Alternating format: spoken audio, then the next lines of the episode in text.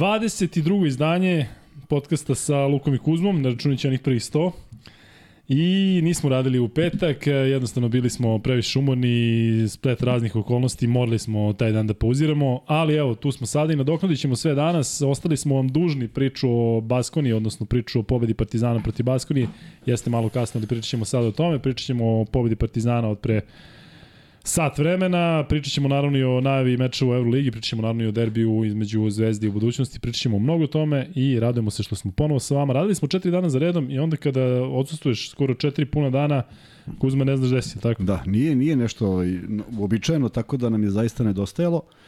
A ja bih ovu emisiju otvorio nečim neobičajenim za mene, a to je 43 poena Nikole Vučevića neobičanim u smislu zato što nisi progovorio Zašto šest rečenica NBA računajući i Vučevića dok je bio. Tako je, ali eto meni je drago samim tim što je bio kod nas i da ispratimo jednu njegovu neverovatnu partiju i pobedu. I ovaj poslao sam mu samo tri, tri aplauza i ništa, to je to. On se zahvalio. Pa naravno, da. Vuči je, Vuči da. je mnogo veliki šmek. Inače, ovaj, umeđu vremenu, od kada je bio naš gost, ovaj, Darko, naš kolega Darko Plavšić je bio u Americi i baš se obreo na utak, u Čikagu na utakmici, to jest bila je utakmica Denver-Chicago i onda se naravno isprsio ko drugi nego Nikola i nabavio karte.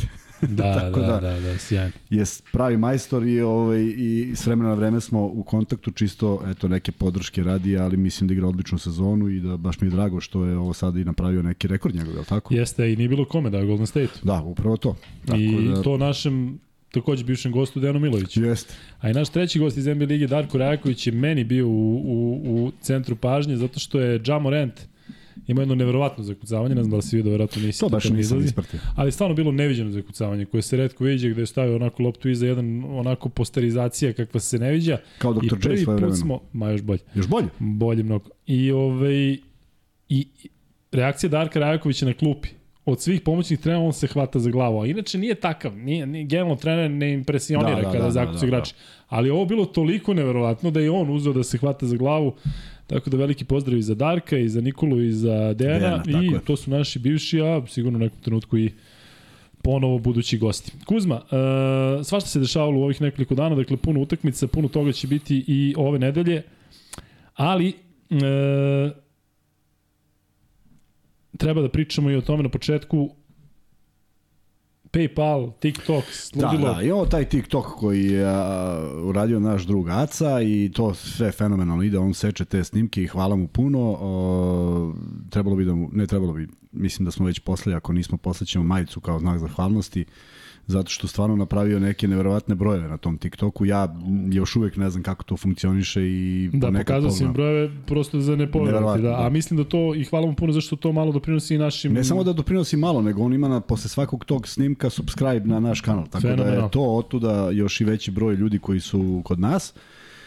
A, da, upravo se izdešavalo se mnogo toga, ali daj da pozovemo ljude, zato što je mnogo lepo izgleda kada u, u prvih sat vremena imamo onih 500 lajkova, pa i 1000 i onda ovaj, stvarno, stvarno ti prija, jer radiš neki dobar posao sa jednom divnom komunikacijom koja eto, traje već 122 emisije i ima ljudi koji se još uvijek podsete onih prvih i kažu da je velika razlika, ja im ja im verujem, iako smo mi te prve doživjeli onako... Velika razlika u čemu? Da smo bili... Pa da smo da, mi smo drugačiji, opušteni i sve drugačiji. to, naravno, ali to je bio početak, to je bilo snimanje, nije bilo ja uživo. Ja ne znam to da gledam, znaš, ne znam da gledam, neko mi je ono, čudno, ja i ti ono, sad, ali ba, baš je napredovalo, napredovali smo ba, sigurno, u smislu sigurno, tako je. i što se tiče i gledanosti i svega, jednostavno svega, svega. ovo je sada postalo bukvalno kao kuća, kao kućna atmosfera i pre svega to zahvaljujući vama, ponovo smo u velikom broju, ali ovo što Kuzma kaže, ajde dođemo do 500 lajka da ispucamo prvi free bet, da. imamo da. kao i obično tri free beta, ove nedelje ćemo raditi u normalnim terminima, odnosno normalnim danima, ponedljak, četvrtak, petak, četvrtak i petak posle mečeva Evrolige, tako da dok ne bude sledeće e,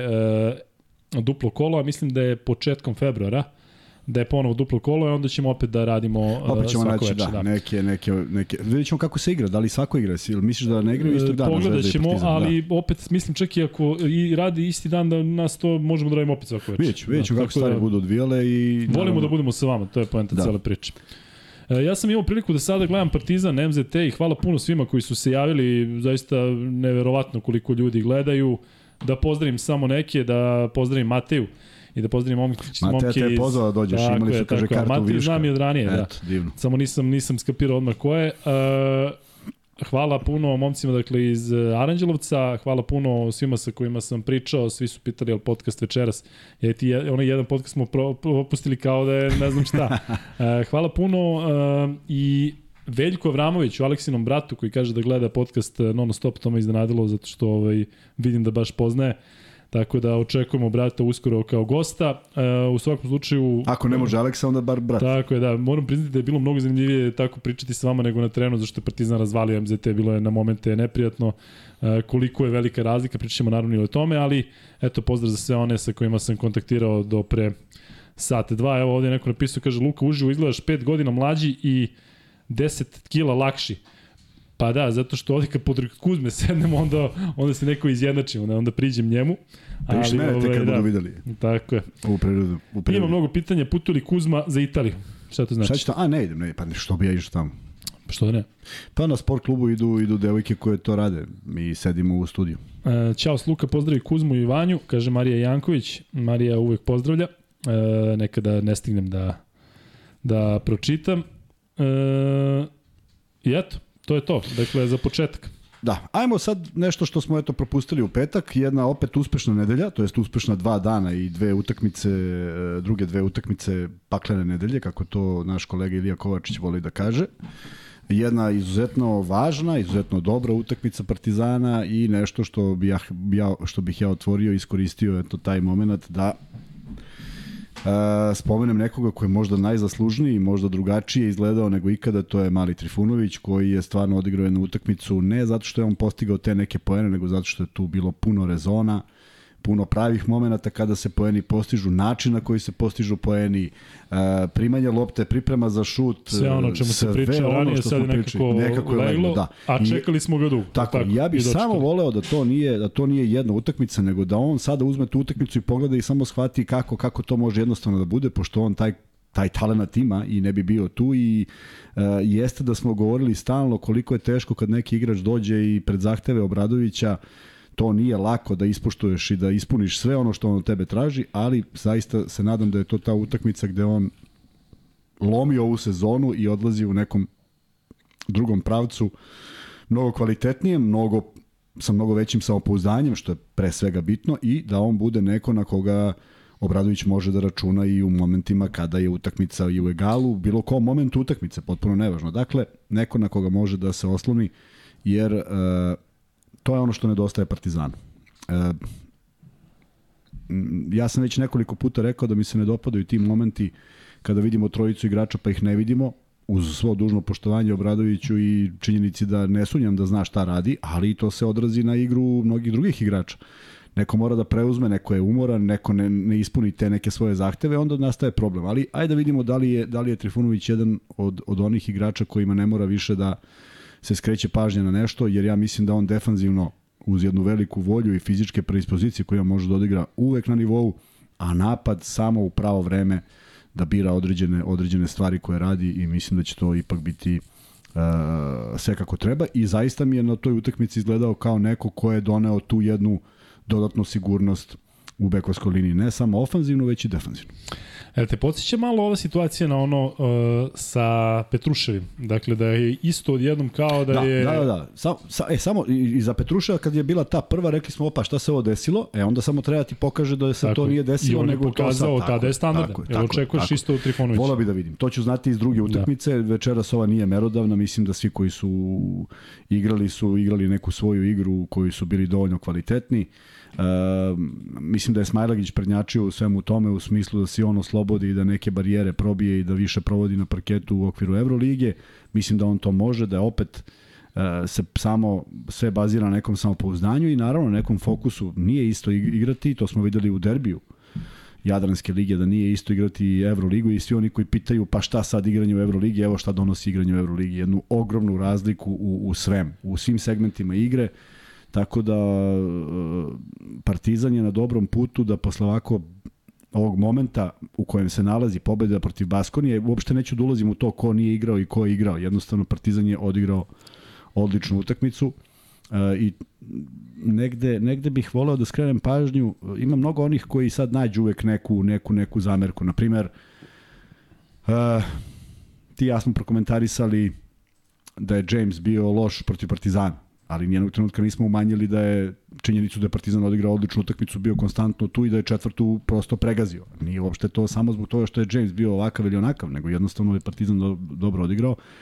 Ne interesuje me da li je James bio u diskoteci ili nije bio u diskoteci, koje je sve od igrača bio u diskoteci. Jeste, bio. Zvezda je odigrao fenomenalnu utakmicu. Sa svojim mojim mo monašanima ili... Mon monačanima, da. Ne znam, čuo da je bilo tu i drugih košarkaša. Ali... Kako god, potpuno sve jedno. Čekaj da malo pričamo o tom. Ne, ne znaš što je, ne znaš što je kako god, zato što je on usnimljen, on je usnimljen, ovi drugi nisu, on je usnimljen, ali on je isporučio u vrlo, jednom, vrlo jednoj dobroj utakmici ono što da. je trebalo. Ovi ostali nisu, sad tu je pitanje. Kuzma, ajde da te zadržim malo tu. Kako je bilo kada si bio na vrhuncu karijere?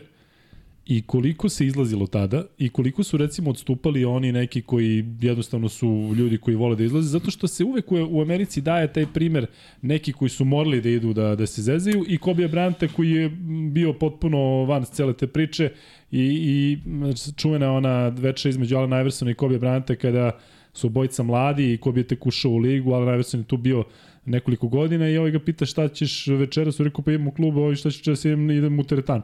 E, je bilo razlike kod vas da se znao tačno ko je ono što se kaže ovaj jest, party manijak. Jeste, da. Bilo je, bilo je ljudi. Je li uticalo to, to hoće da te pitam, uticalo na igru? Pa ja ne mogu to da ocenim, znaš zbog čega? Zato što ja stvarno nikad nisam razmišljao gde je ko. Ja sam razmišljao uvek da smo mi svi dovoljno profesionalni da odigramo utakmicu dobro. Ja sam utakmicu u karijeri kada sam se zabavljao sa sadašnjom suprugom i dođem uveče u Beograd. I danas niko ne bi vidio mi bazama po Beogradu celu, celcatu noć. I odem pravo na utakmicu. Znači ja nisam znao da je levo, ali sam odigrao fenomenalnu utakmicu. I ode svestio se. To veče sam lego, na primjer u 8.15 i probudio se, zakasnio sam na ručak koji smo imali zajednički u pola 3. Dakle, nisam znao gde sam. Ali Znači ti si taj isto kao što ja pričam. E, to, to mi se desilo, ali nisam volao. Ja nisam, ja sam imao svoj ritam. Ja mogu, moguće da pre utakmicu legnem i u 3-4 ujutru, ali ne zašto sam izlazio negde ili bilo šta. Jednostavno imao sam svoj ritam i znao sam kako da kako da se prilagodim. Bilo je igrača, bilo je igračima kojima, igrača kojima je to prijelo, bilo je onih kojima je vidno bilo loše kada, kada dođu posle toga. Kompenzuješ sve, pomogneš, shvatiš da će jednog dana možda biti u istom nekom kontraritmu, da, ćeš, da nećeš biti u formi i nadaš se da će neko da, da preuzme. Međutim, sad su, za razliku od tih momenta, ti si mogao u toj Podgorici gde smo svi manje više igrali fantastičnu košarku. Znaš koliko je bilo teško da ti izađeš u Podgorici i se ne sazna gde si bio? E pa to je sad slično i svojim društvenim mrežama. U Beogradu si mogu. Da. Beograd je toliko veliki da ti stvarno možeš da sediš negde. Evo sad smo bili u koloniji, možemo da sedimo tamo do 4 ujutru, niko nikad neće saznati. A sada postoje ove društvene mreže, neko te uslika i završena priča. Tako da, Ovaj velika je razlika, ne kažem da smo mi bili u ono vreme sveci, kao sedeli smo ono kao javio nam trener, e, molim vas u 11 lezite i mi svi legnemo. Ali ovaj ali svako ima neki svoj ritam, međutim zaista kažem bio sam privilegovan da da da da igram sa igračima koji su to znali da cene tu slobodu konkretno, Muta Nikolić u jednom trenutku odustao i rekao, momci, kome se doručko, nek dođe na doručak. To je bilo van svih šablona tadašnjih, znači ekipa mora da doručkuje. Sad, da. Mene kad neko probudi u pola osam za doručak, ja, ja se vratim da idem da spavam. Mislim, prosto, čak i ne jedem, dođem tamo samo da bi bio. Što nije neki ovaj, uh, dobar razlog da budem, a nije ni da me neko probudi. Tako da ja, ako mogu da isporučim nešto najbolje što mogu, pusti me da radim šta god hoću, pritom znaš da sam u sobi i da spavam. E, tako da jeste postojala razlika i bilo nas je ovakvih i onakvih. E, konkretno, na primjer, bila je, bila je, bila je jedna anegdota, kaže, ovaj, završili smo utakmicu i svi smo otišli u diskoteku. Diskoteka Luna u Novom Sadu. A mi živeli u hotelu. Znači, samo treba da se prebacimo dva sprata i št, kakav god da si spavaš. Međutim, onda smo dobili stanove, pa smo mogli da se razvozimo. I sad, kaže, najbolja scena, pokojni Nemanja Danilović, uh, moj playmaker u Beočinu, kaže, negde na kafi, tri popodne, subota, uh, nedelja posle utakmice i kaže, znaš, kaže, nešto nije u redu, kaže Stopalović. Ja kažem, šta mu je? Pa kaže, mi jutro iz diskoteke u pola sedam, kaže, a on kaže, na terasi kao pije mleko, a on čovjek krenuo za užice. Ja kažem, a ko nije normalan? ko nije normalan u toj priči? Tako da je svako imao neki svoj ritam, međutim, kažem, svi do jednog bilo je nekih zaista sporadičnih stvari. Imao sam igrača koji je voleo da popije. I stvarno je bio najbolji kad popije. I ja imam privilegiju da znam ko je. Ti znaš i ko je. I to je bilo fenomenalno. Prosto ga pustiš i on igra kao sat. I što bi sa to neko remetio? E, ali stvarno moraš da budeš tog dana reprezentativan i da igraš najbolje što možeš. Da, to je sjajna priča, da sam pričao jednom, pa bilo kao nemoj više, pa ste onda shvatili da igra mnogo bolje ovako. Tako, pa mi molili kao nemojte ljudi više da mu branite, to, to nema da. smisla. Tako da, uh, ali, ali kažem, došlo je dotle da, da tada smo znali to nas 11, a sad zna ceo svet. Da. I malo je neprijatno, a vidiš, imao sam jedan interesantan razgovor danas sa dragim prijateljem koji kaže, dobro, može, na primer, da vlasnik kluba dođe i kaže u jednom momentu u sezoni, kaže, e, slušaj, Luka, vidi, ne isporučuješ ono što treba. Ja ću sada da nešto uradim da bih te malo naterao, da bi te malo probudio, da ti smanjim platu. Ja kažem, veko, to ne ide. To niko neće potpisati taj ugovor.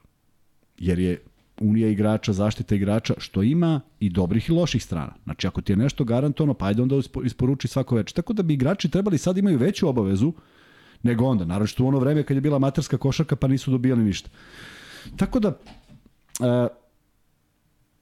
ja bih želeo da gledamo igrača u svojim najboljim izdanjima. Mislim da svako od nas ima prava na neko lutanje, na neki svoj ritam, da ne moramo da jedemo isto vreme, da ne moramo da jedemo istu hranu, da ne moramo ništa isto, ali na terenu moramo da budemo profesionalci. Ja sam se uvek trudio to da budem i, i kažem, zahvalan sam što sam u ekipama imao takve ljude koji su na teren dolazili i zaboravljali sve i, i igrali najbolju košarku. Da, da se vratimo sada na Jamesa, on mi baš deluje kao tip, dakle ako nekoga vidiš iz Monaka, on mi deluje kao neko ko očigledno voli malo u životu, jednostavno deluje drugačije, dakle ne deluje neko ko radi sve smerno. Ali kao što si rekao, on je došao to veče isporučio. Tako da e, nećemo se sad Ako više... Ako može, tako je, da, tako. nije problem uopšte. E, nećemo se zadržavati na Jamesu, ali da se vratimo još malo na meč između Partizana i Baskonije. Da. Partizan je dobro kontrolisao tu utakmicu, osvetio se Baskoni s tim što, treba da kažemo ipak da je Baskonija potpuno drugačiji tim sa Howardom i bez. Apsolutno, s tim da sam ja siguran da bi i Howard da bio tu da bi Partizan dobio. Isto, da, odigrali su odličnu tako. utakmicu, tako je. Odlično, bilo bi tu neki zamisli koje nisu mogle da se sprovode, ali jedna od zamisli je bila ona što smo pričali za Gedritisa Da. da. Da mu se ne da šut, nego mu se da prodor. Videli smo koliko je diskutabilan taj prodor. I kad krene u... Kako se ono kaže? u livadu, gde krene, u cveće, u grlom u jagode, gde god. Znači krene i vidi se da tu nema neke smislene akcije. Tako da mnogo toga je Partizan zaustavio ako se to ne vidi onako očigledno, ja mislim da je rezultat pokazao dovoljno da je da je Partizan apsolutno celu utakmicu kontrolisao uh, igru i na kraju napravio jednu dobru pobedu u Vertiru, ne pred MZT, nego u Vertiru pred sledeće kolo Evrolige, koje sada već ulazi onako u te sve utakmice koje se i tekako računaju i dolazi se u situaciju da gostovanja mnogo znače. Tako da Uh, mislim da ni Zvezdan ni Partizan nisu izgubili šanse za, za, za plasman, daleko od toga, ali će zavisiti od mnogo od toga kako i s kojim arsenalom raspolažu, zato što dolaze utakmice kada se svaka računa, čak će se obraćati pažnja ako si primetio protiv Makabija, to smo pričali, obraćala se pažnja na razliku.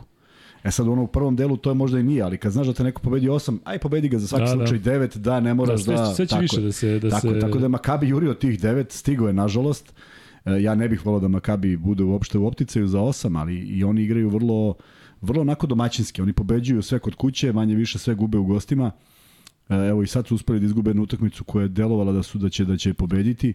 Tako da jedna potpuno drugačija ekipa na strani i kod kuće. S druge strane, a samo se vratim na Baskoniju, ne mogu da kažem da nisu pokušali mnogo toga, ali bazirali su nešto na njihovoj brzoj igri, na tranziciji, na šutu, koji nije išao, a Partizan je sve to znao da, da ovaj, kontroliše i jednostavno u onim pravim momentima videli smo Pantera u prilično uh, normalnim pozicijama za tri poena, kako te lopte ulaze, nismo videli nikakve... I videli smo onaj moment kada Panter uzima onaj šut i, i okreće se polako rezultat, gubi se, gubi se kontrola, dolaze na šest razlike. Taj, taj momentum, taj, samo to izbeći. Ili ima on kredit Kuzma za jedan ili dva takva šuta? Ali nije potreban, ili nije, nije potreban. potreban. Da, nije potreban. Ali on ako da tri ili četiri trojke ili ako u zoni, to on te pitam. Dakle, on je, on posle toga iz zone, on je posle toga iz zone dao. A ovo je bio opet šut jedan koji je bio suviše brz. Mora, samo mora da kontroliše da ne bude nešto prebrzo jer nije produktivno. Seti se Hollinsa i one trojke, jel beše protiv Monaka. 22 za zvezdu kad je samo trebalo da se postigne bilo kakav poen i da. pitanje, ne, ti daješ jednu I snagu i, po, i poči, tako. I to, I to je nepisano pravilo. Tako da je ovaj, e, već žamor počeo tamo kada je, kada je Partizan izgubio tih, vrlo lako tih 15-16 poena prednosti došao. Da, naš... 4-7, tako je bilo. Tako je, tako je. Šest razlike ni zbog čega. Nije to bila dobra igra Baskonije koliko je taj šut odjednom ispalo da je promenio sve. Prema Ali isto sviđa mi se da Partizan, da Partizan sam sebe ukanalio da ne zavisi od drugih. To je više što mi se dopada zašto Partizan i tako kontroliše utakmicu. Tako. Dakle, on je kontrolisao utakmicu, pa su jasno, oni zeznuli i vratili ali može desiti da bude kasno da možda je da. kontrolišeš. Samo da. zbog toga. Dakle, biti on, ono što traže, video si, video si i Nedovića u Podgorici. I čim je neki šut koji je van, van tolerancije, izađe i odmori. Uđe neko pa će da igra drugačije. Dakle, i, i Zvezda imala to u Podgorici da su došli na šest. Nije od čega, ne zato što je budućnost igrala dobro. Promaše se neki šutovi, malo uđe nesigurnosti i ti se onda misliš, e sad je moment da ja uradim nešto spektakularno, šut ono još gore i onda i onda uđe voda u uši što bi rekli i i i ovaj i sve ode ode nizbrdo. Tako da vrlo je bitno sprečiti sve to, ne napraviti tako nešto i ako mislim da postoji neka sugestija opet Obradovića ka Panteru, to je ta. A onda dolazi to drugo polovreme gde on apsolutno svaki šut uzima u momentima i kada je bitno i kada je pozicija. I to je ceo smisao. Papa Petro je bio odličan takođe u tom meču. Odličan, dakle, Papa je. Petro isto podiže formu. Od njega tako smo... Je, uh, od Trifunovića opet ipak je mlađi i uh, domaći igrač. Jednostavno, kad dovedeš stranca, od stranca očekuješ odmah sve. On mora da isporuči nešto bolje. I čini se da Papa Petru se podiže i da sve ono što što je trebalo da radi ranije, sada postepeno... To je krenulo negde od derbija, onako Jest. polagano, ali to nije bilo još to, pa imao još u nekih utakmica da je to nije bilo to. I sada neko će reći, e, a što ja ne pričam o Lazareviću kad on promaši? Zato što ovo malo što si rekao, zato što Lazarević radi drugi prljav posao i tu je i domaće i radi prljav zato što je to potrebno. Papa Petru ne treba da doveden da radi prljav, prljav posao. Mislim, naopako ako jeste. Se da ja ne tako davno sam govorio o tome kako sam, da se ne bih nevirao, da sam počeo da gledam Papa Petru tako, ajde te male stvari, dakle, ono izvede aut, pa ne, nap, uspešno, ne napravi korek, da. znaš, pogodi ne, slobodno ne, bacanje, a to je zaista bio da. moj način da se iskontrolišem zato što je predugo smo ga čekali. Jest, jest, I jest. sada već... E, sad samo da li je ova Baskonija, i to ćemo vidjeti na sledećoj utakmici, ne na utakmici protiv MZT-a, to ćemo vidjeti na sledećoj utakmici, da li je ta Baskonija prekretnica za mnoge. Ako jeste, to će biti veliki plus Partizana, zato što rotaciji imati igrače koji su raspoloženi. Opet mi je krivo što nema Nanelija i opet je nešto se izdešavalo, pa onda um, opet problem u nekim dodavanjima Andjušića. Sve to ima neke svoje probleme gde sada publika počinje malo i drugačije da reaguje. Dakle, dakle kad prođe, kad prođe polovina sezone, to je ono što je problem. Gubi se neko strpljenje i u krajnjem slučaju potpuno su u pravu za neke, za neke stvari. Milan Mašić ima jako interesantno pitanje, ali vezano je za Zvezdu. Milan je posle kada budemo pričali o Zvezdi obavezno postavi to pa ćemo pričati. Da. E, fali nam još od 19 lajkova do 500, Opa. da bismo ispalili prvi free bet i već imamo spremljeni prvi free bet. Dakle, pitanje, E, Kuzma, još malo o meču protiv Baskonije. E, Partizan je delo mi e, ponovo igrao timski. Dakle, to je nešto što nismo videli protiv Makabija. Protiv Makabija je Partizan postigao jednak broj poena, međutim, delovo je prilično raštimovano. Ovde je E, nije bilo mnogo siliranja, znalo se ko šta radi i onda kada recimo Panter ima tako neki šut, on zaista ispadne iz koloseka, baš ga primetiš. Dakle, tako nije to recimo kao na drugo polovreme protiv Zvezde, um, u, u ABA ligi, bilo je još takvih uh, situacija. Jednostavno, ne ide i ne ide i baš se bira loše rešenje jedno za drugim i vidiš da nešto ne valja. Ovde kada neko napravi takav šut, nerezonski kao Panter, baš bode oči. Jeste. I čini mi se da Partizan sve više deluje kao ekipa. Tebi deluje tako i na jednoj i na drugoj strani. Oni, oni, oni, ja sam i čak i mislio da će ta dva igrača, Lede i Panter, delovati kao ekipa više od ovih ostalih, jer su tu duže i prosto znati kakvi su im zadaci. I, i, i svaki put kad gledam Pantera i vidim njegove sposobnosti i neku lakoću postizanja poena, uvek se iznova iznenadim zašto bira tako nešto. Da li to stvarno njemu toliko znači? Da li će on time nešto da probije? Ja ne znam. Ali u momentu kada on to radi, stvarno mora da ima u glavi da je Partizan na 14-15 razlike, vrlo stabilna igra, kontrolišu apsolutno sve. Ja znam da ima negde ono, pa dobro, jednu opalim, pa šta bude, ali vidiš, može stvarno da se desi neki, neki neverovatan kanal koji se dešavao, ne, ne samo njima, nego kažem, to je negde nepisano pravilo kad malo poceniš protivnika ili uradiš tako neku stvar koja nije na mestu i old school treneri apsolutno odmah reaguju. I vidjet ćeš i Ivanovića i Obradovića da će da reaguju. Čak će i Saša Obradović reagovati u takvim momentima, s tim što on ima jedan drugi problem. On je, on je ovaj prvo jako divan onaj moment sve u, u pioniru da ponovim ponovo, ali njema su nekad malo vezane ruke, baš zbog toga, što ti imaš te igrače koji nije otkuda daju, daju koševe i on je u tom intervju u svom rekao, kaže mi ne igramo nešto sjajno, ali pobeđujemo utakmice u završnici. I onda on zna da, se, da su sve oči uprte u Jamesa koji to da, ili ne da, ali ajde da kažemo da i onda moraš da zavisiš od tog nekog njegovog raspoloženja. Uvesti ga u neki sistem igre, jako teško. A Panter bi trebalo da je već uveden u sistem igre jer je tu duže od mnogih drugih. E, došli smo do 500 lajka i to već uveliko, dakle pitanje za prvi free bet će biti sledeće. Ko je bio najefikasniji na utakmici između Partizana i Baskonije? Dakle, najefikasniji na utakmici i ko prvi odgovori dobit će free bet. Max bet u iznosu od 1000 dinara. Još jednom da ponovimo ono što smo uveli prošle nedelje, a to je da Uh, svaki nedelje možete da osvojite samo jedan max bet. Ako ste jednom osvojili, nemojte da, da, da učestvujete ponovo. Dakle, to je način da imamo različite dobitnike, zato što ste se ranije sa pravom žalili da e, pojedinci dobijaju non stop free betove, tako da ovako će biti zanimljivije. Čak razmišljamo da se nedelju dana e, podignemo na mesec dana i možeš vanje da staviš i taj pol. E, hoću samo... E, Ivan Nićin je sad odgovorio prvi, zato što sam rekao ko je bio najefikasniji na utakmici. Bilo je malo trik pitanja, Trifunović je bio najefikasniji u timu Partizana. Najefikasniji na utakmici jeste bio Marinković koji je uh, bivši igrač Partizana i namjerno sam ovo postavio da bi skrenuo pažnju na to da ga je Partizan zaista lepo dočekao i da mi je mnogo žao što je Marinkovićeva karijera onako išla jednim pa prilično bizarnim tokom. On je bio u Partizanu u periodu kada Partizan nije imao neke veće domete, najmlađi kapitan u istoriji Partizana, a mnogo dobar dečko, pa onda imao onu povredu ramena i nekako onim prvim utakmicama na evropskom prvenstvu kada je namestio ruku, ona prva dva meča kada je počinjao u petorci, ja mislim da, da, da, da ni, baš sam bio srećan. Dakle, ne znam da li me je nešto oduševilo u tom periodu što se tiče Srbije, zato što je dečko toliko miran, e, pritom i u samoj Baskoni je e, dobijao šansu pa ga ovaj stavi na klupu. U Valenciji je bila ta povreda, ali tamo nije mogao da pokaže šta može, a ovde je onako muški odigrao protiv bivšeg kluba i evo neko je pitao da li ima mesta za Vanju Marinkovića da se vrati u Partizan. Ili ima mesta Vanju Što da nema, sa mnogo više iskustva, ja mislim Tako. da je on jedan divan dečko koji Ti ga poznaš iz tog perioda da, kada da, ste... Da, mi smo radili, da, i u tom nekoliko navrata i apsolutno, valjda zbog toga što je bio kapitan Partizana tako mlad, apsolutno neko ko je odudarao vrlo ozbiljan, u svakoj utakmici i kad, je, kad mu išlo i kad mu nije išlo. Pazi, to je uzrast jedan, kako bi ti rekao, specifičan. Možeš ti da traje šest utakmica na takvom dan za danom i da igraš konstantno dobro.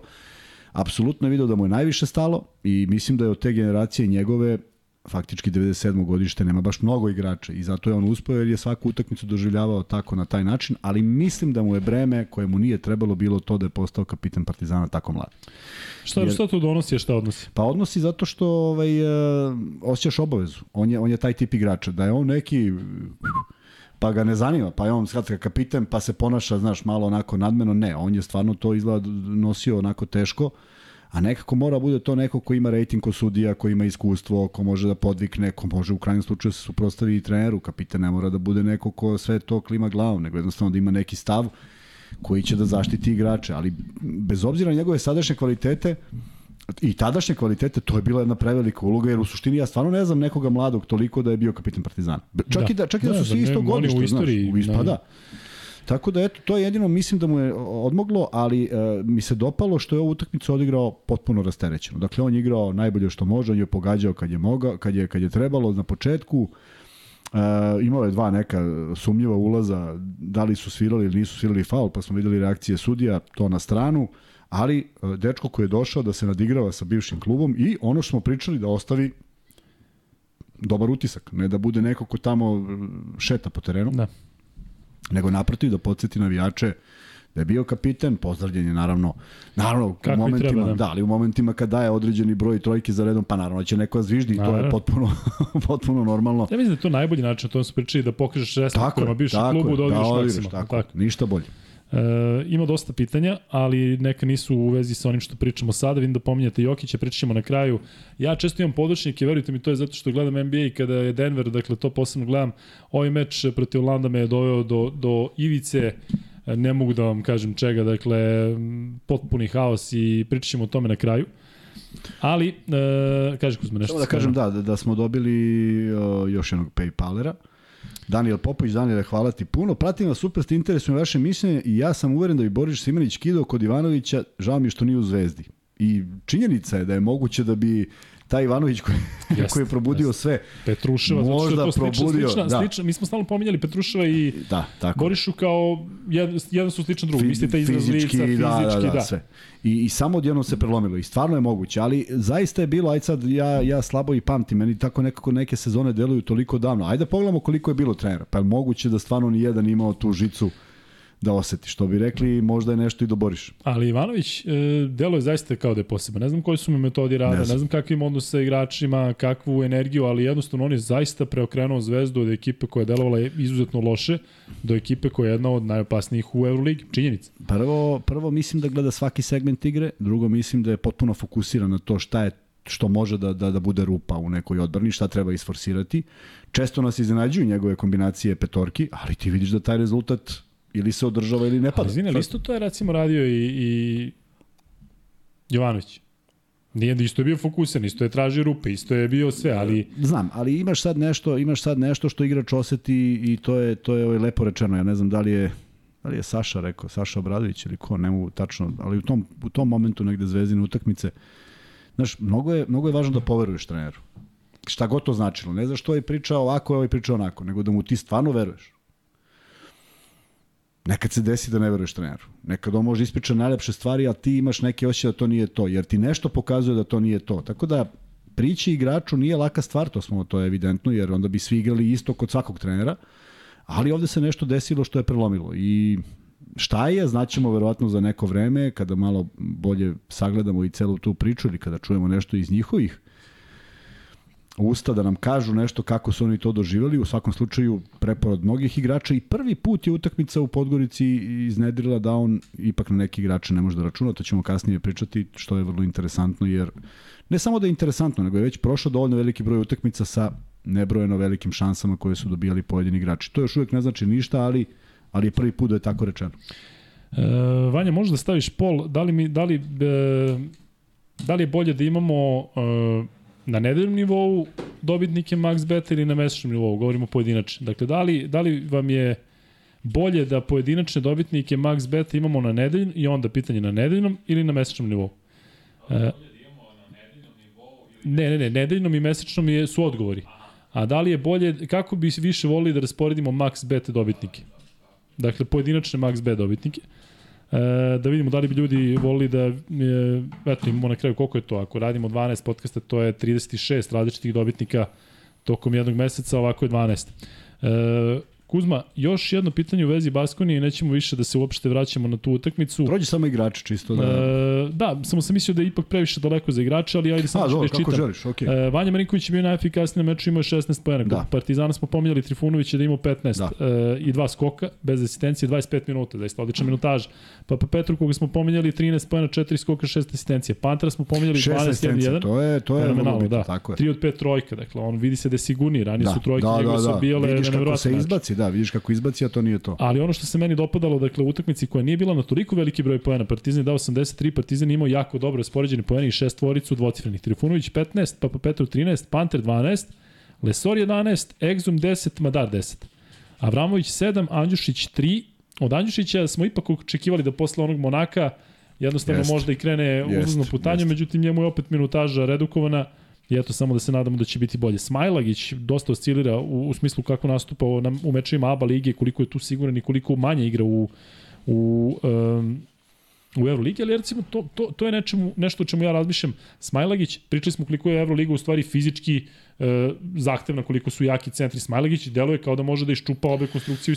Deluje da bi da. njemu Euroliga bilo mesto gde može da se dokaže da se nosi sa nekim. Očigledno su, da, je, da, da očigledno su neke greške koje ne, ne mogu kažem da mi ne vidimo, možemo da ih vidimo, nego deluje da se ne menjaju. To je ono što pričam. I sad ti treba provedeš koliko? 37 minuta utakmice, shvatiš da on neće promeniti to nešto. Dakle, ne vidim da je ne vidim da je samoubilački nastrojen Željko pa neće da koristi neke igrače nego prosto oceni da to nije veče za za za njih.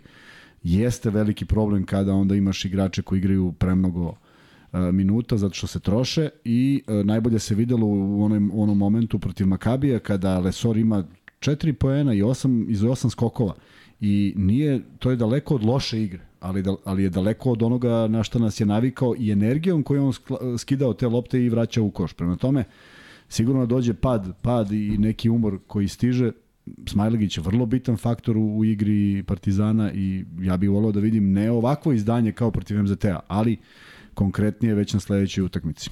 Da pojasnim još jednom ovaj pol. Dakle, vidite kako je Vanja stavio. Kako biste volili da raspodelimo max bet, free bet nagrade? Nedeljno svako može jedan put nedeljno ili mesečno svako može jedan put mesečno, što znači da bismo onda imali 30 i koliko smo rekli, 12 puta 3, 36 različitih dobitnika nedeljno. U ovom tempu da radimo tri puta nedeljno, znate da ćemo nekad raditi više. Tako da sve u svemu, e, da vidimo da li hoćete više različitih MaxB dobitnika ili ili to na jednom nivou, pretpostavljam u kom pravcu će ići ovde uh, pol, ali dobro.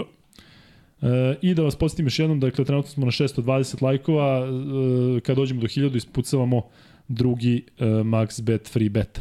Uh, Kuzma, da ostanemo naravno na Partizanu i da pričamo o ome što se desilo danas, a to je ta ubedljiva pobeda protiv MZT-a. To je rekord Zabalina, kako sam ja pročitao. Tako je, 120-67 po četvrtinama, 29-15, 25-19, 30-17 i 36-16. Dakle, Partizan je dobio prvu četvrtinu sa plus 14, drugu sa plus 6, pa plus 13 i plus 20, dakle, apsolutno mislim da je ovaj meč u stvari pokazao neku širu sliku koliko je u stvari velika razlika između Partizana i Zvezde i ovih ostalih, da kažem, manjih klubova. MZT se jeste vratio u ABA ligu, ali da li nemaju budžet? Vidim da, je, da su dovoljno onoga Bua koga sam prenosio u izdalskom prvenstvu, on je dečko zaista skromnih mogućnosti i verovatno je to budžet koji ne može da se poredi sa, sa ovim pomenutim klubovima. MZT jeste namučio Zvezdu u prvom poluvremenu, jeste namučio Partizan u prvom poluvremenu tamo, ali vidi se da oni za nešto više jednostavno nemaju stav. Da, ali vidi, tu sad, tu, tu sad možemo pričamo o, jednom, o nečemu drugom. Dakle, koja je ideja? Da li postoji ideja duže od jedne sezone? Za MZT govoriš? Za MZT, da. Misliš njihova ili lige? Njihova. Dobro. Klubska. I ti potrošiš ipak neki novac za te strane igrače koji ne mogu, i hteli ne hteli, ne mogu da isporuče sve to. Koji bi rezultat imao MZT da ih nema? Pa verovatno nešto slično tom. Ali bi se možda pojavio neki igrač koji bi nekada nešto uradio ili napredovao u toj sezoni ili, ili već govorim iz regiona, možda ne nužno makedonski, ali ima tu sigurno plejada igrača koji se ne ponašaju kao stranci, nego mogu taj MZT da dožive kao klub za koji se oni zaista i bore. I potrošit će u ovoj sezoni koliko god para da, koliko god da je budžet tog kluba, potrošit će. Sa učinkom koji je zaista mali. A ti si trebalo da se, trebalo da se prezentuješ za, za naredne sezone, jer si se vratio u ABA ligu i ja, meni je drago što Makedon ima predstavnika iz prostog razloga što pamtim mnogo dobrih igrača iz makedonske košarke, ali ne, to se neće desiti. Jer oni su sada ubedljivo zakucani na tabeli uz užasno, užasno, užasno težak raspored. Oni su otvorili utakmicu pet derbija, ja mislim, sezonu sa pet derbija. To je prosto nevjerovatno kako im se nanizalo sve to. Pitanje je kako bi to izgledalo, ali kažem, šta je bila ideja Oni će odgovoriti, Mornar će odgovoriti šta je ideja sa Raselom. Ja još uvek ne razumem. Da li svi da se oduševljamo kako on pretrči ceo teren da, i položi. Da, već, to, već se on uh, ispucao, dakle Mornar igra jako loš. Sad upravo, protiv Zadra je bilo... To, I šta će ovo biti? Najlošija sezona Mornara. Mornar koji je slovio za treći, četvrti tim koji se tu ne, ne toliko davno borio da... A koliko jeste u tome da su ga provali? Da jednostavno ti sada pa, imaš jednog igrača koji solira i koji može da, da odigra... Ko je taj koji je procenio? Da je to to. Pa pogledajte, niko, ja nikog nisam čuo da je pričao za Frejžera da je neko procenio da je to, to dobitna kombinacija. On, on igra kao dobitna kombinacija. Znači nešto se poklopilo, je tako? Ali to moraš da imaš malo malo širu sliku šta se očekuje, ako je to za jednu sezonu, ako je to za nekom da 45 pojena da se priča o tome, više se ne priča. Nije se pričao dve utakmice kasnije kad je, kad je imao procenat šuta minus 50. Prema tome, e, zauzeo neko mesto. Pominješ makedonsku košaku, e, pitali ste čak ovdje ranije o tom TJ Shortsu. Dakle, tek sada kada sam prenosio Alba Bon, video sam tog momka od prvog do 40 minuta, znao sam naravno ko je i video sam ga u onom e, u predkvalifikacijnim mečima Makedonije. TJ Shorts je jako interesantan igrač, dakle on je neko ko je lagano gradio svoju karijeru i bio u Kraljskemu, a sada je u Bonu visok samo 175 cm, ali jako, jako nezgodan. Dakle, pritom Levoruk e, vrlo, vrlo brz, vrlo sa, sa, sa dobrom Um, nije čak toliko okrenut sa igračima, ali opet dodaje. Međutim, ispucao je recimo 20 šuteva protiv Albe, bio na kraju najefikasniji, promašio neke trojke, promašio je jedan šut koji je mogao da donese neki egal, ali moram priznati vrlo interesantan igrač. Meni će biti interesantno da vidimo u kom pravcu će ići njegova karijera. Ne, ne vidim ga kao nosioca igre u nekom evroligaškom klubu ili tako negde na nekom nivou, ali pitali ste za TJ Shortsa ranije i evo pričamo o makedonskoj reprezentaciji, on će biti nosilac makedonske reprezentacije i zanimljiv je taj duel Nena Dimitrijević TJ Shorts kada već pominjemo o njega, ali ko ovaj lo, Gober, dakle, ofarban u neke čudan, boje čudan čudne, da, da. Miloš nas da... upozorava da je da smo napravili, ja sam napravio lapsu, 120 poena je Partizanova najbolja utakmica, a 122 poena je rekord ABA ligi. Uvijek nas ispravite zbog toga da, da, da, slobodno, da. Ne znam ja to ništa. E, koliko je 122? Uh -huh. A, znaš koji je danas podcast? Pa neverovatno. Slučajno. Pa, to je, ali kao slučajno. Kako Partizan nije dao 120 pre, kada, u četvrtak ili kada je bilo? Baskoni. Nisu znali. Tako je. E, još jednom da vas podsjetim, dakle, kad bude hiljaditi like, idemo na drugi free bet. Kuzma, dakle, toliko Baskoni, nemamo šta još da pričamo o MZT-u, dakle, Partizan, da. evo sad možemo da malo iščitamo ove e, strelce, za, ali tu je bukvalno se kalkulisalo opet, opet je bilo, i sa da, minutažom. Opet je, da, Vukčević, e, Smajlagić i to je, to je super stvar što su... Ali jel treba da brine što Trifunović recimo sada nije nastavio istoj seriji? Jel ovo nije ne utakmica? Treba, ne treba, znači, ne, ne treba, treba, da se ne treba. Da, on sad treba kaže ima sad korak stepenicu više. Dakle, sad kako bi ti rekao, on možda juri tu neke poene i da ide na neke ulaze koji imaju mnogo logike i ne, nema ili ili nemaju, ali ali mora postoji rezon, mora postoji njegov njegov zaht, njegovi sada zahtevi su da igra ozbiljniju košarku, ako tako mogu da kažem, uz sav respekt i ne, ne želim da pocenjujem MZT, ali prosto kada treniraš i igraš u uslovima Evrolige, ne samo za MZT, nego za veliku većinu ABA lige to drugačija dimenzija treniranja. Kada dođe sudija koji zna da sudi i sudi po kriterijumima uh, Evrolige, ti si u ozbiljnom problemu. U ozbiljnom problemu. Prema tome, nivo treninga i nivo tih iskustva, iskustava sa tih utakmica je neograničen i hvala Bogu da će svako imati tu negde veliku prednost. Ono što je vrlo bitno da Trifunović ne posmatra, dao 3 poena. Pet. Pet. Da on sad ne razmišlja, ej, ovde sam dao, a sad sam dao pet. To nema Jest. nikakve veze. A igrao je 23 minuta, ma nije malo igrao. Veze, ma nikakve veze nema. On treba da razmisli da li je, da li je tih plus, koliko, 23, 33, 53, je li tako? 53. Koliko sam ja doneo u tih 53 razlike. A Kuzma isto tako ne mora da razmišlja u dao sam 15 pojena, Baskon je bio najbolji u Partizanu, sad sam... Ne, ne smije razmišljati. To treba da bude to, isti odnos prema tih 15 pojena Baskoni i 5 pojena ovih MZT. I kaže ovako, u, ali vidi, čuo sam Vanjo Merinković i šutno mi tri trojke preko moje ruke i promašio sve tri, to je 9 potencijalnih pojena, a danas protiv MZT-a sam zatvorio čovek nije dao ni jedan poen. Ti dakle, dalje je isto fokus na odbranu, tako? Da, I šta može da, da uradi? Da, zato što, zato što će provoditi vreme na parketu ako igra odbranu. I samim tim će doći Neće, što, on, on može što, da bude, tako, on može da bude, kod Željka Obradovića, on može da bude četvrti u pasu u ćošku koji čeka da, četa, čeka da lopta brzo prođe da dođe do njega i da šutne, kad on izabere. I on kad da 3-3, naravno, bit ćeš tu do 5-5, bit ćeš tu možda i do 10-10 ili ćeš promašiti, nije važno ali to ti ne umanjuje obavezu da ti ovaj tvoj kolega ne da lagane poene. Kuzme, ti možeš sad malo, ako tu ima nešto na Instagramu, ja ću da prođem ove igrače, Prođi zato što igrače. sam bio, bio sam na utakmici, pa onako svakom ću pomalo, zato što neko drugačije to deluje kad ste odmah pored terena. E, dakle, govorimo o meču Partizan e, MZT, e, Smajlagić ima 24 pojena i 7 skoko, meni žao što, što takav nije približno takav nije u Euroligi. E, zanima me kako bi izgledalo kada bi igrao u Euroligi ovako 23 minuta, 8 od 10 za 2, 1 od 2 za 3, zaista deluje e, fenomenalno kada on krene na, na ulaz, to je takva snaga i takva eksplozija, ništa to nije novo, znamo šta je Smajlagić radio i kad je bio mnogo mlađi, ali eto, ja bih volao da ga vidim, da ga vidim u, u nekom eksplozivnom izdanju, i u Euroligi.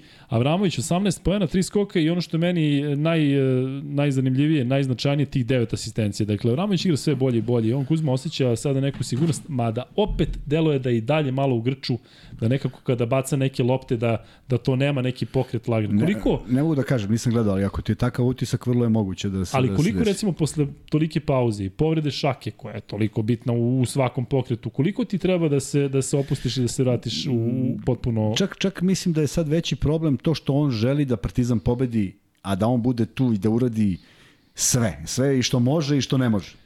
E, I onda što bi rekao, to je za mene Muta jednom rekao, kaže, ovaj može ukrade dve lopte i tri da izgubi, kaže, u istoj sekundi. E, to je ono kad imaš neku neograničenu želju, a Avramović ima. I onda on sebe uvede u neki problem posle dva, tri rezonska poteza, on bi sada da se završi utakmica. On bi sada da bude tu neko ko će donese prevagu i onda napravi nešto što ovaj, što, što odudara od onoga što od njega očekuje trener. Prema tome, samo malo da se strpi. Shvatili smo svi koliko traje utakmica, se slažeš? Da smo videli neverovatan broj utakmica koje nisu završene posle 38 minuta, nego su baš završene posle 40. Koliko god da si gubio do tog momenta, koliko god da je bila neka razlika, to se sve nekako ispegla i ti dođeš u neku neizvesnu završnicu. Ono što je vrlo bitno je biti fokusiran u tim, u tim momentima. Sve se ostalo zaboravi i šta je bilo na početku i šta je bilo na kraju, ali Kad se sabere na kraju svaka ta lopta znači.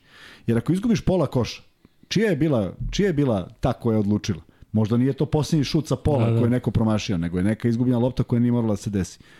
Tako da samo malo više fokusa i samo malo manje želje da reši utakmicu u tim minutima kad je na parketu i njegova agresivnost ne izostaje, njegov neki neki instinkt koji ima kad igra ne izostaju, samo malo da, da se strpi, da sačeka, jer sebi će dići samopouzdanje ako bude pravio prave poteze.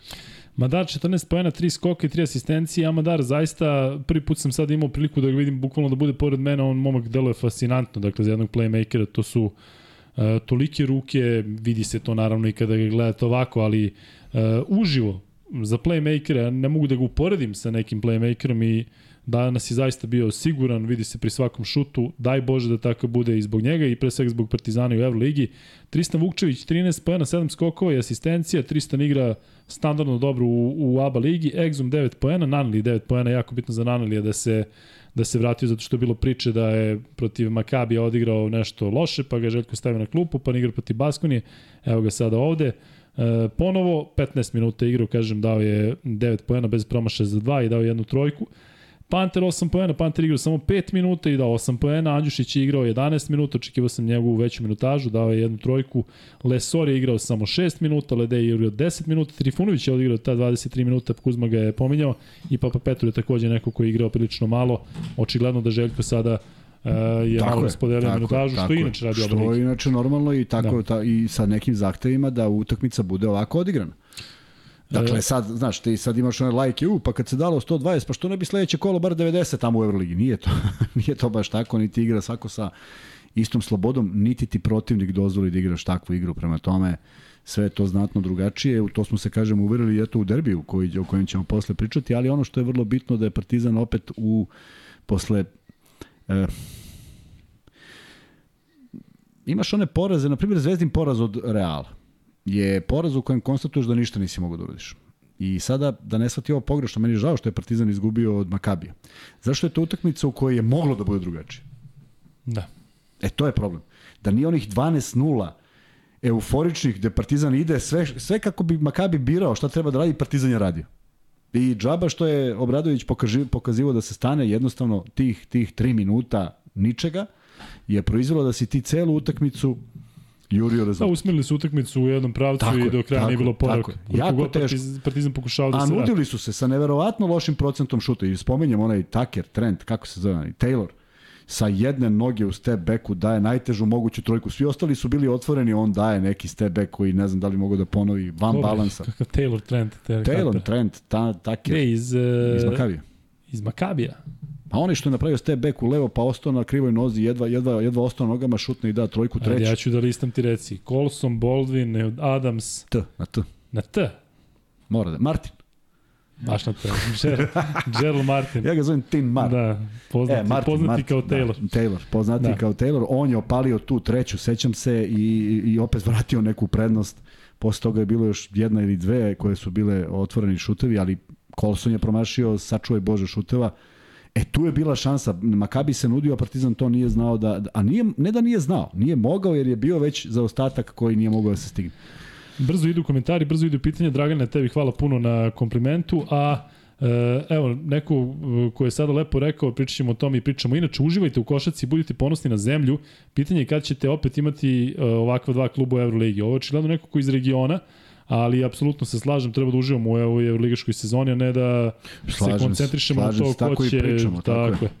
E, e, jedna, jedna sad stvar, sad mala, mala, potpuno mala pauza, da sam, da sam teo nešto da kažem. Vrlo mi je bila ovaj, zanimljiva konferencija za štampu Skariolova. Si gledao?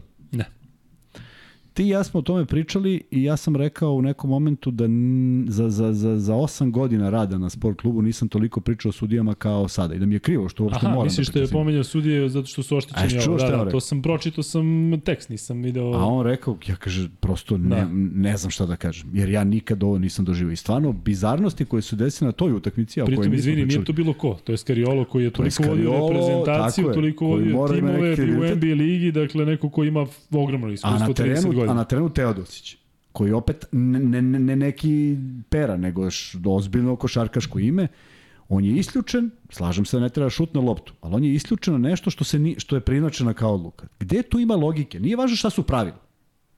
Možete napraviš pravilo koje iritira sve nas, pa kažeš što je pravilo. Ali gde je tu logika?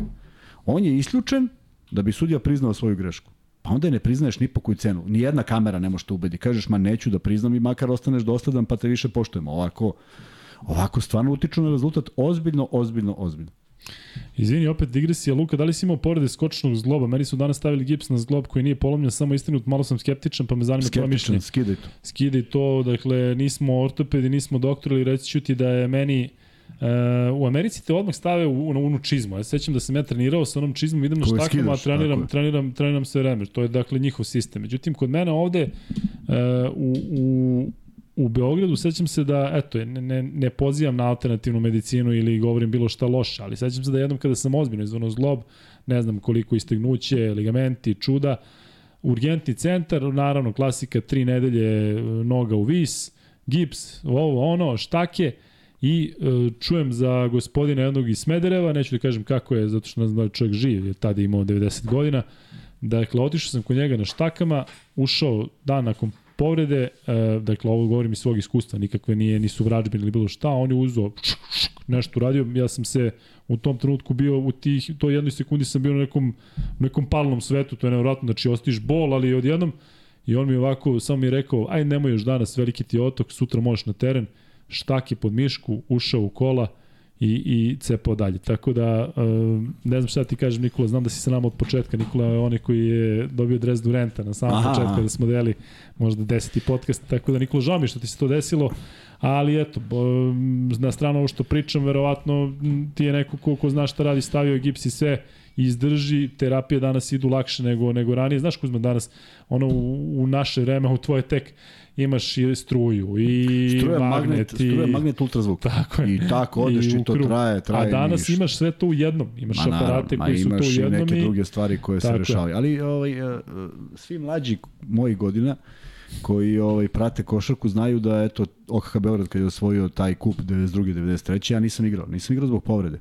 Naime desila se jedna bizarna stvar, jedan junior koji se koji se ovaj uh, borio za mesto u ekipi, imali smo trening šuterski, ja mislim da dva dana pred kup. I ja zamolim trenera pomoćnog Gordana i kažem, Gordane, malo ti je ova vežba rizična. Idemo, igramo vežbu, radimo vežbu gde ja dobijem pas, a on istrči i zagradim.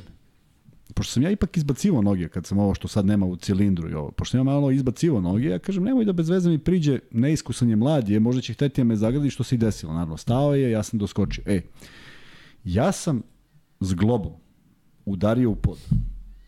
Znači, to, to, to je takva distorzija bila da sam osetio nenormalan bol, ali znaš gde?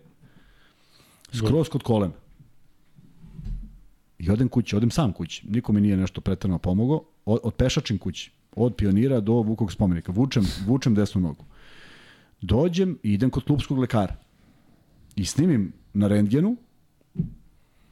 I sad ja mu objašnjam gde me boli i šta me boli i šta se desilo, a on pogleda snimak i kaže, a u, kaže, dobro je da se nije odvalilo. I ja ovako, kako je ono rekao, odvalilo ja znoj, on ode, kaže, sačekaj, sad će neko da dođe i ode i ostaje me u ovoj čekaonici, ja gledam onaj snimak, sad jebi ga, nisam ja završio medicinu, ali nešto što bi se odvalilo mora da ga vidim. Gledam ja onaj snimak, gledam, gledam, ništa se, sve normalno.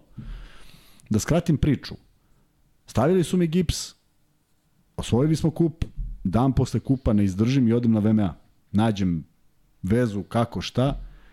Ljudi mi otvore gips, snime me nogu i bojažljivo uđu unutra i kažu, a, što, a što vi nosite gips? Da, da, to je uvek, sa gipsom je uvek pitanje Tako da, zašto gips. Nika, ja sam ga onda jednom skinuo kad sam polomio prst, kad smo trebali da igramo ozbiljne utakmice u budućnosti, ja odem kod ovoga i on mi stavi gips. Ja se vratim na trener, muta se uvati za glavu i počne da psuje sve živo i ja uzem ono i skinem i vežem prste. Boli, sačuvaj Bože, ali ok, treniraš. Tako da ne gips, apsolutno ne, ne samo ne gips. gips, nego ja kad sam dislocirao rame sad i kad sam imao tešku povredu ramena pre dve godine, ispostavilo se da sam uh, predugo nosio ono, ono. sranje i, ovaj, i ispostavilo se da sam dobio taj neki e, moment zamrznutog ramena gde ti sve Okošta. Znaš, tako je, a obično, znaš, imaš problem da ti rame ispada. Kod mene je sve bilo toliko stegnuto da nisam mogao nikakav pokret da napravim. Tako da sam prilično skeptičan ja sa tim da, da, da. što nosiš Sam, na sebi još kad ga nosiš predu. To mora neko da pogleda, ako imaš tako. nekoga ko može to da pogleda, da neki pametniji savet, tako da... Evo, Nikola, još kratko, ja mislim da je meni povreda zgloba i promenila život, zato što ja kada sam igrao u Švedskoj, tada sam još imao 17 ili 18 godina, sam otišao četvrte godine gimnaziji. I sećam se, sa, tad sam glumio nekog repera ili ne znam šta mi je bilo i onda sam imao kanadjanke i sad vi švedski znate, u Naki postoji taj deo koji se zove Jarla Berry. Ja šetam i sad postoji deo da idem, da stignem do kuće koji je malo duži, možda dva minuta duži, ali je normalan put. Sneg naravno u Švedskoj, januar nema, nema dva sata dana. I ja kažem, ajde ići ću ovde preko brda, u tim onako otvornim kanadžinkama, ne najbolje vezanim. I op, zglob, vrištim tamo, ja mislim da sam Vukove dozvao iz Srne da, da dođu do mene. I e, tada sam pauzirao dugo i ko zna u kom pravcu, možda bi ostao u Švedskoj, ko zna da li bi postojao podcast da tada nisam išao. Sva sreća, preko, taj zglob si Sreća, da, da, pa to je, ne, neko me naveo tamo na, na taj na taj deo. Ele, Ti si pomislio tada ko zna šta dobro donosi ovo i evo, 20, 20 godina kasnije, pa pra... 3 godine kasnije, ja. e, ovako e, prošlo. Da, da. Šta šta? Kaže, ima utakmicu u petak bitno, pa neko da ima brzo rešenje. Brzo rešenje za, za petak nema. Gavez, Gavez, udri Gavez, maži Gavez za sve. Dakle, Gavez je, ako ste gledali jedan od onih podcasta prošle nedelje, Gavez, dakle, mažite svuda, Gde god, kad non god. stop, dakle, i radi preventive. Tako da, eto, pozdravljamo Gavez Srbiju, oni su se nešto nadovezali. Jesu, jesu, pisali su i napravili su... Pisao je i pisao i napravio shorts od ovoga, isekao ono kad pričamo da. o Gavezu. Ali zaista ozbiljno dobra mast i naročito, naročito ja verujem da oni prave dobre, dobru mast, ali naročito kad ga imaš u, tako je, u tako obliku original. listova. Da. E, pozdrav sa Guadalupe. Ma, nek ide život. Znamo gde je. Daj, daj tamo da, da. lokaciju. Guadalupe. Ako se ne šališ... E, da. da. E, Skreneš levo od Albuquerque. Da, da, pa je rekao Duško. e, jedna lepa stvar, da se vratim na utakmicu protiv MZT-a, prosto nevjerovatna, Kuzma ti mi reci da li si ovo ikada doživo, 11 igrača Partizana je postiglo bar jednu trojku. E, to je nevjerovatno, da. Samo to Lesor je, da, nije. Da, samo Lesor nije, a još Lesor čovjek da, da, ni ne šutira. Da, tako rasteretiš da. se i malo te... Malo, Jest. Znaš kako i to izgleda? I to izgleda malo, malo imaš, imaš neku stegnutost. Imaš, imaš, imaš momente koje dešavalo se svima nama. Jednostavno nemaš više, ne možeš da razumeš šta trener hoće. Pošto stalno hoće nešto, a ti stvarno nemaš kapacitet nekada, nekada prosto ne možeš da ukapiraš. I onda dođe jedna ovakva utakmica da se ti oslobodiš. I onda se desi ovaj nevjerovatan procenat šuta, 13 od 17 za 3. Pa ja ne pamtim da sam to video skoro. Dakle, to je onako jedna sloboda, jedna, jedna dobra energija i prijelo je to igračima Partizana, ali sad sve to bukvalno ne važi ništa u četvrtak. Znači, četvrtak igra Partizan. Mm, pogledaj ću sada li trebalo vidjeti. To ništa ne važi. Ma kakav, kakvi, kakvi 13 od 17. dobro za Partizan da ima jedan opušten meč ili nije dobro to što je tolika razlika između Baskonije ima, ima, i Valencije što, zato što ima ovih dobrih stvari. Ima ovih dobrih stvari. Mentalno da malo, malo se opusti. E, jesi imao toliko razliku kada si igrao Euroligu, uh, ali si pričao o onim kup mečima, pa Danilo gradi oni su, sve. Oni su redki, to dođe 1-2, da. ali to su stvarno redki momenti negde na pola sezone, ni ne primetiš. Međutim, zaista je bilo drugačije i to će me to će potvrditi svaki učesnik ovaj, te Juba lige o kojoj ja volim da pričam. Stvarno su bile jake ekipe, nisu bile za pocenjivanje. Još neki 250 lajkova do drugog free beta, ajde ljudi ubrzajte, imamo zanimljive, zanimljiva pitanja što se tiče Firebeta, još ih nisam smislio, ali su sigurno ali zanimljiva. Da. E, ali Kuzma, da pređemo na Partizan i ono što ga čeka u, u Euroligi. Partizan protiv Val Valencije igra 19. to je četvrtak od 20.45. Je li možda bolje za Partizan da e, insistira se na tome da Partizan i Zvezda koliko god mogu igri utakmice ponedeljkom kada imaju ovako obaveze četvrtkom i petkom, posebno posle duplo kola. Ali da li je premala sada pauza? Imaš samo dva slobodna dana do, do narednog meča Lige na gostovanju. Jel bolje za Partizan bilo da, da protiv MZT-a igra u nedelju? Bez obzira na to što je onda samo da, jedan dan potom da, ti mislim, da, da, mislim da je bilo bolje. Mislim da, da je bilo bolje. Da li je moglo da se prilagodi, da li je moglo da se promeni, ne znam. Mislim da jeste bilo bolje. Bez obzira da li bi ishod bio ovakav, manje ubedljiv ili bilo šta. A, da, ovo jeste i naročito jeste zbog toga što je Valencija odigrala dobar meč. I ovaj, što dolaze zaista u jednom lošem momentu jer Valencija, koliko ima Valencija? Koliki skor ima Aha. u Euroligi?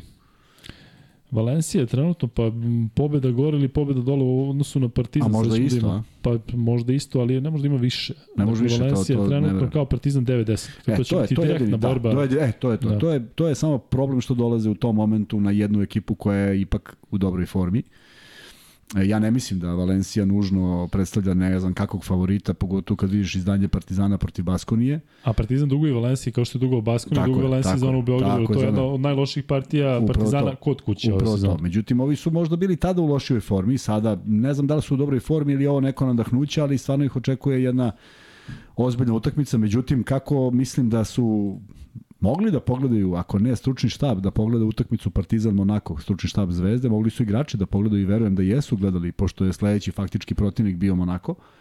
E, tako bi trebalo da se pogleda i ta Valencija Zvezda, kako je to izgledalo i šta su bili momenti koji su rešili Znaš, ne možeš da kažeš e, rešilo je to što je Dubljević promašio 3-4 zicera, ali bilo je mnogo dobrih stvari koje je Zvezda iskontrolisala, tako da ako je to neki recept mogu da se posluže time i da, da, da, da odigraju jednu utakmicu, ne mogu kažem iznad, iznad mogućnosti, ali sigurno ne smatram da je Partizan favorit, ali da ima svoje šanse i da može da dođe do pobede, to apsolutno je sigurno tako. A kad kaže da je Valencia odigrala dobru utakmicu, na što misliš, za špansko prvenstvo ili za u Euroligi sada? Oni su dobili i Efes i Asvel, i dobili su Maresi su brasili 103 to, poena u ovom. Na koju si utakmicu mislio? Pa na evroligaški utakmicu. Aha, da, da. Zato što, su... da, oni su, e, zato što ta druga pokazuje da, da. Valencija ume da prospe 45-27. Znači, mogu da prospu i oni ozbiljno, prema tome, samo ne odustajati, samo pritisnuti, e, veliki su to padovi, a ja mislim da bez obzira što je Asvel igrao na domaćem terenu, ja ne vidim da je Asvel u bilo kom segmentu bolji od Partizana, naprotiv. Prema tome, samo da budu strpljivi i da pokušaju što duže. Kako utakmica odmiče, tako ulazi Valencija u nervozu. Domaći tim ulazi u nervozu. Tako da, e, zaista je bitno odigrati fokusirano, bez ovih padova, bez ovih ideja da se dobije utakmica u 10. minutu, neće se ništa desiti. I Partizan je sklon i nema u stvari ekipe koja nije sklona. E, Real je izgubio protiv Barcelona je izgubilo od Zvezde, Zvezde 12, pa je Zvezda uspela da izgubi tih 12 na kraju.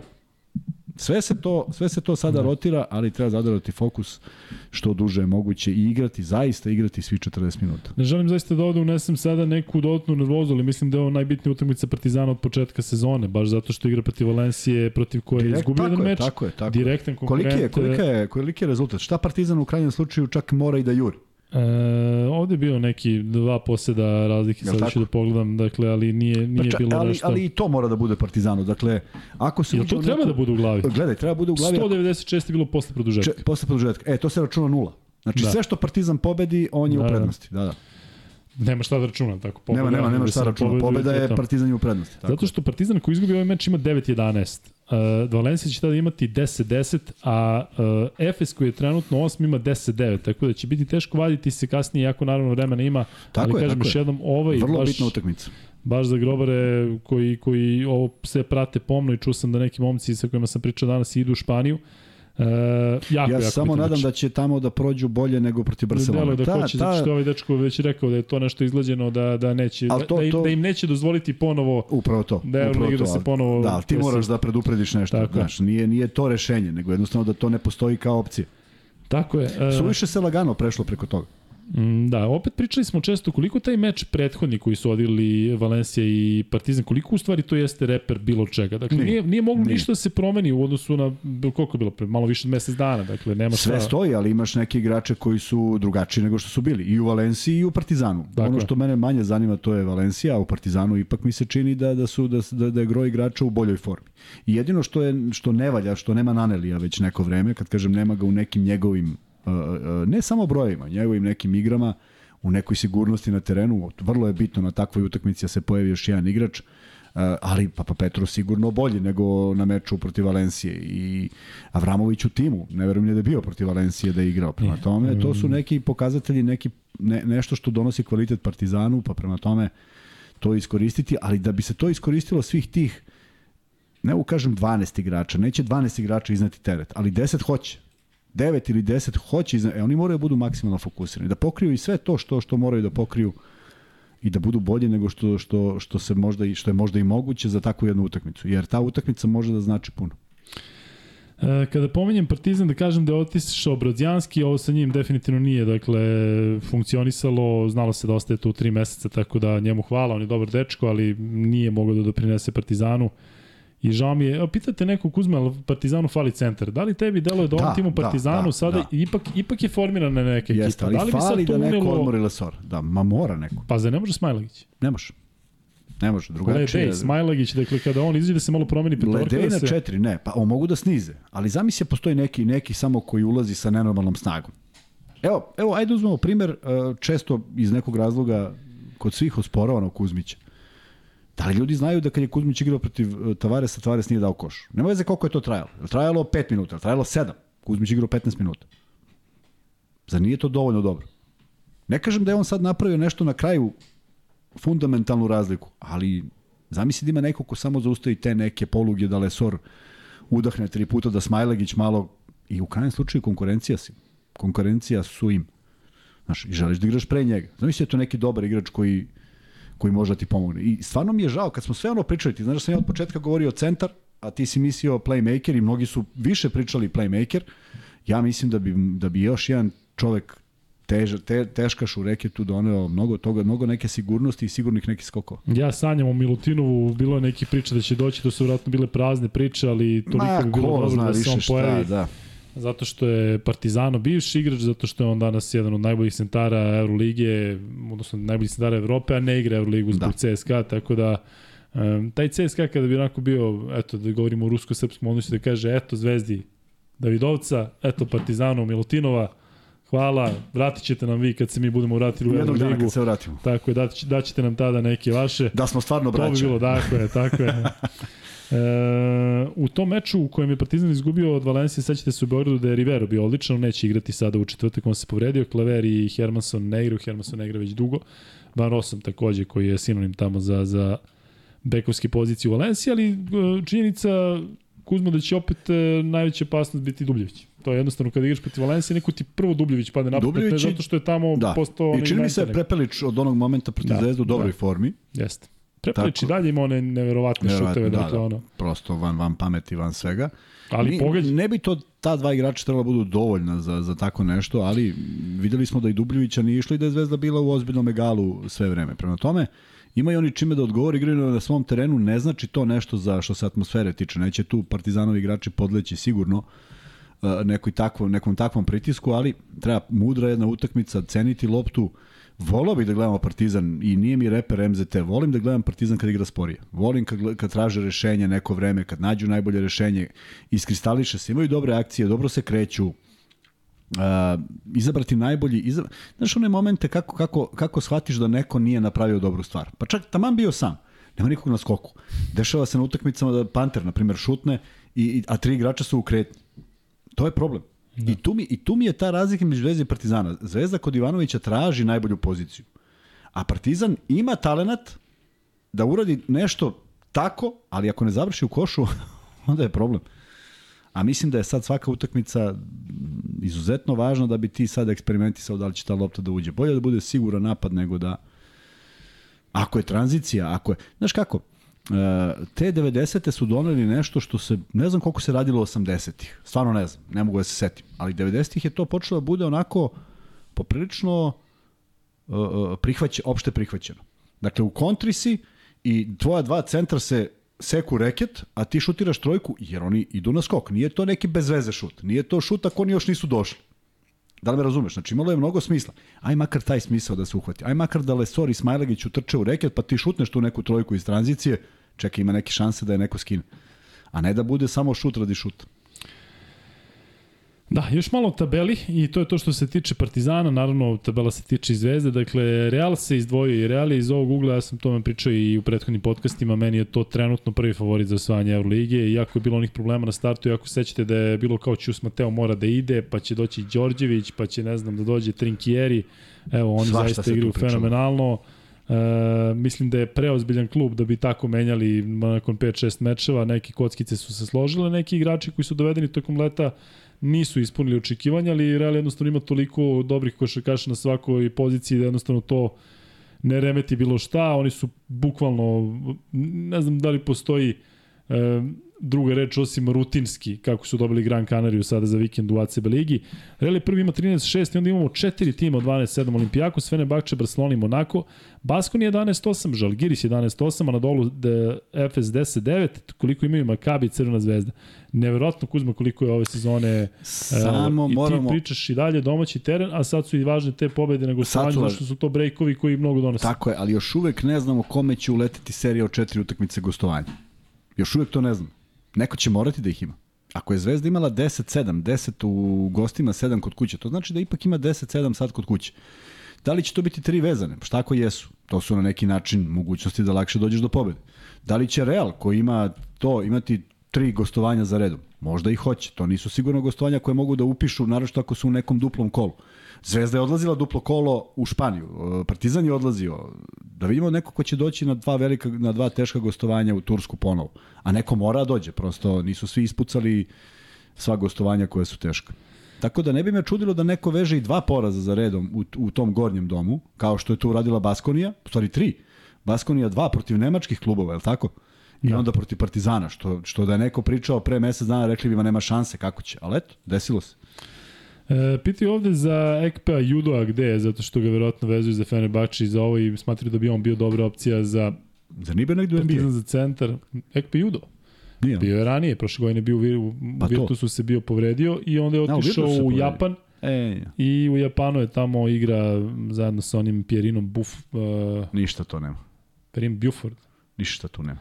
I ima tamo još interesantnih igrača za pola Hinara igra, Japanac. ne znam kako je. Da, Japanac. e, ali ta japanska liga je vrlo interesantna, ko što kažemo, zato što je dobra lova, konkurencija je dobra, a nije neka drama, dakle oni isto glume NBA ligu, tako da dosta igrača ide u Japan. E, ali eto, Ekpo Judo jeste zanimljiva, zanimljiva uh, opcija. Ja sam se pitao gde je Malcolm Delaney, ne mogu da ga, da ga pronađem nigde, dakle on ne igra, spreman je, tako da će on vjerojatno kao i Singleton negde da potpiše uskoro. Šta Ekpe Judo kako ga pamtimo, a prošto je prošlo mnogo vremena, možda to nije onaj Ekpe Judo. Znaš kako, pre dve godine kada sam, apsolutno to nije reper, ali pre dve godine sam prenosio uh, finale CBA, ili to bila ona godina pre korone. Dakle, nikada nisam video čoveka koji je bolje branio pick and roll. Ivan Page kaže i dalje u Japanu majstor, apsolutno, svaku informaciju, Ivan Page. Da. Svaku informaciju ima. Ali kako je Ekpe Judo branio pick and roll, to je bilo neverovatno. On je tako dobro pozatvarao sve, kažem, kineska košaka nije reper za bilo šta, tamo ima dobri bekova, ali ima i naravno Amerikanaca. Međutim, videti u toj, čini mi se, finalna i polufinalna serija, kako je Judo branio, dakle, to je bila poezija defanzivno. Nećem se da sam nekoga video da je toliko dominantan defanzivno kao Judo tada, ali ta ozbiljna povreda protiv Virtusa, mislim da je njegov, on pritom ima godinu, on ima 33, 34 godine minimum, mislim da je njegova karijera pri zalasku i da ne bude otprilike ono ko što si ti govorio za Gista, da dođe da ga pamtimo po nečemu, pa da dođe, sad govorimo hipotetički, naravno da. on dođe, a nije ni pola, nije ni pola, pola tog tako igrača, tako, tako se je Um, Bože, kako se zove, bre, centar koji igra u Partizanu pa se vraćao. Igrao je u Bostonu kratko. E, ima kamerunac e, francusko prezime Bože gospode, pre 10-15 godina. Kako se zvao ljudi? E, igraju u Panatinikusu Lazme. Lazme. Stefan Lazme. Sveći se Lazme Sećam se. Ovaj, I sećam se kad je došao posljednji put, on nije bio mm, plazma. senka onoga što, što je bio ranije.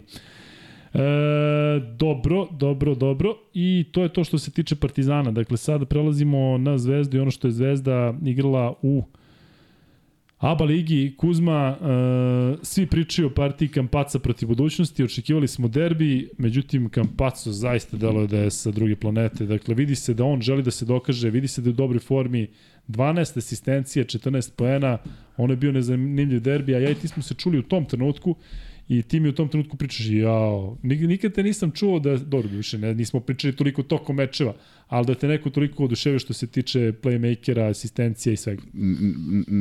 Sad teško je pričati i reći, ej, znaš, ja sam negde imao sreće da igram s takvim igračima, jer smo tako nekako doživljavali košarku i nalazili te neke pasove. Sve to toliko nekako logično. E, kretnje, kretnje uh, Mitrovića u prvih svojih 10 poena su toliko logične košarkaški, samo lopta dolazi u pravom trenutku. Ovaj čovjek izmišlja jer ne mora da uhvati loptu s dve ruke da doda, nego dva pasa daje iz driblinga, niko ne očekuje da on doda. onda uzimaš e, činjenicu da Kampaco kad raširi ruke nema više od 190 uši, a on preseče 8 lopti.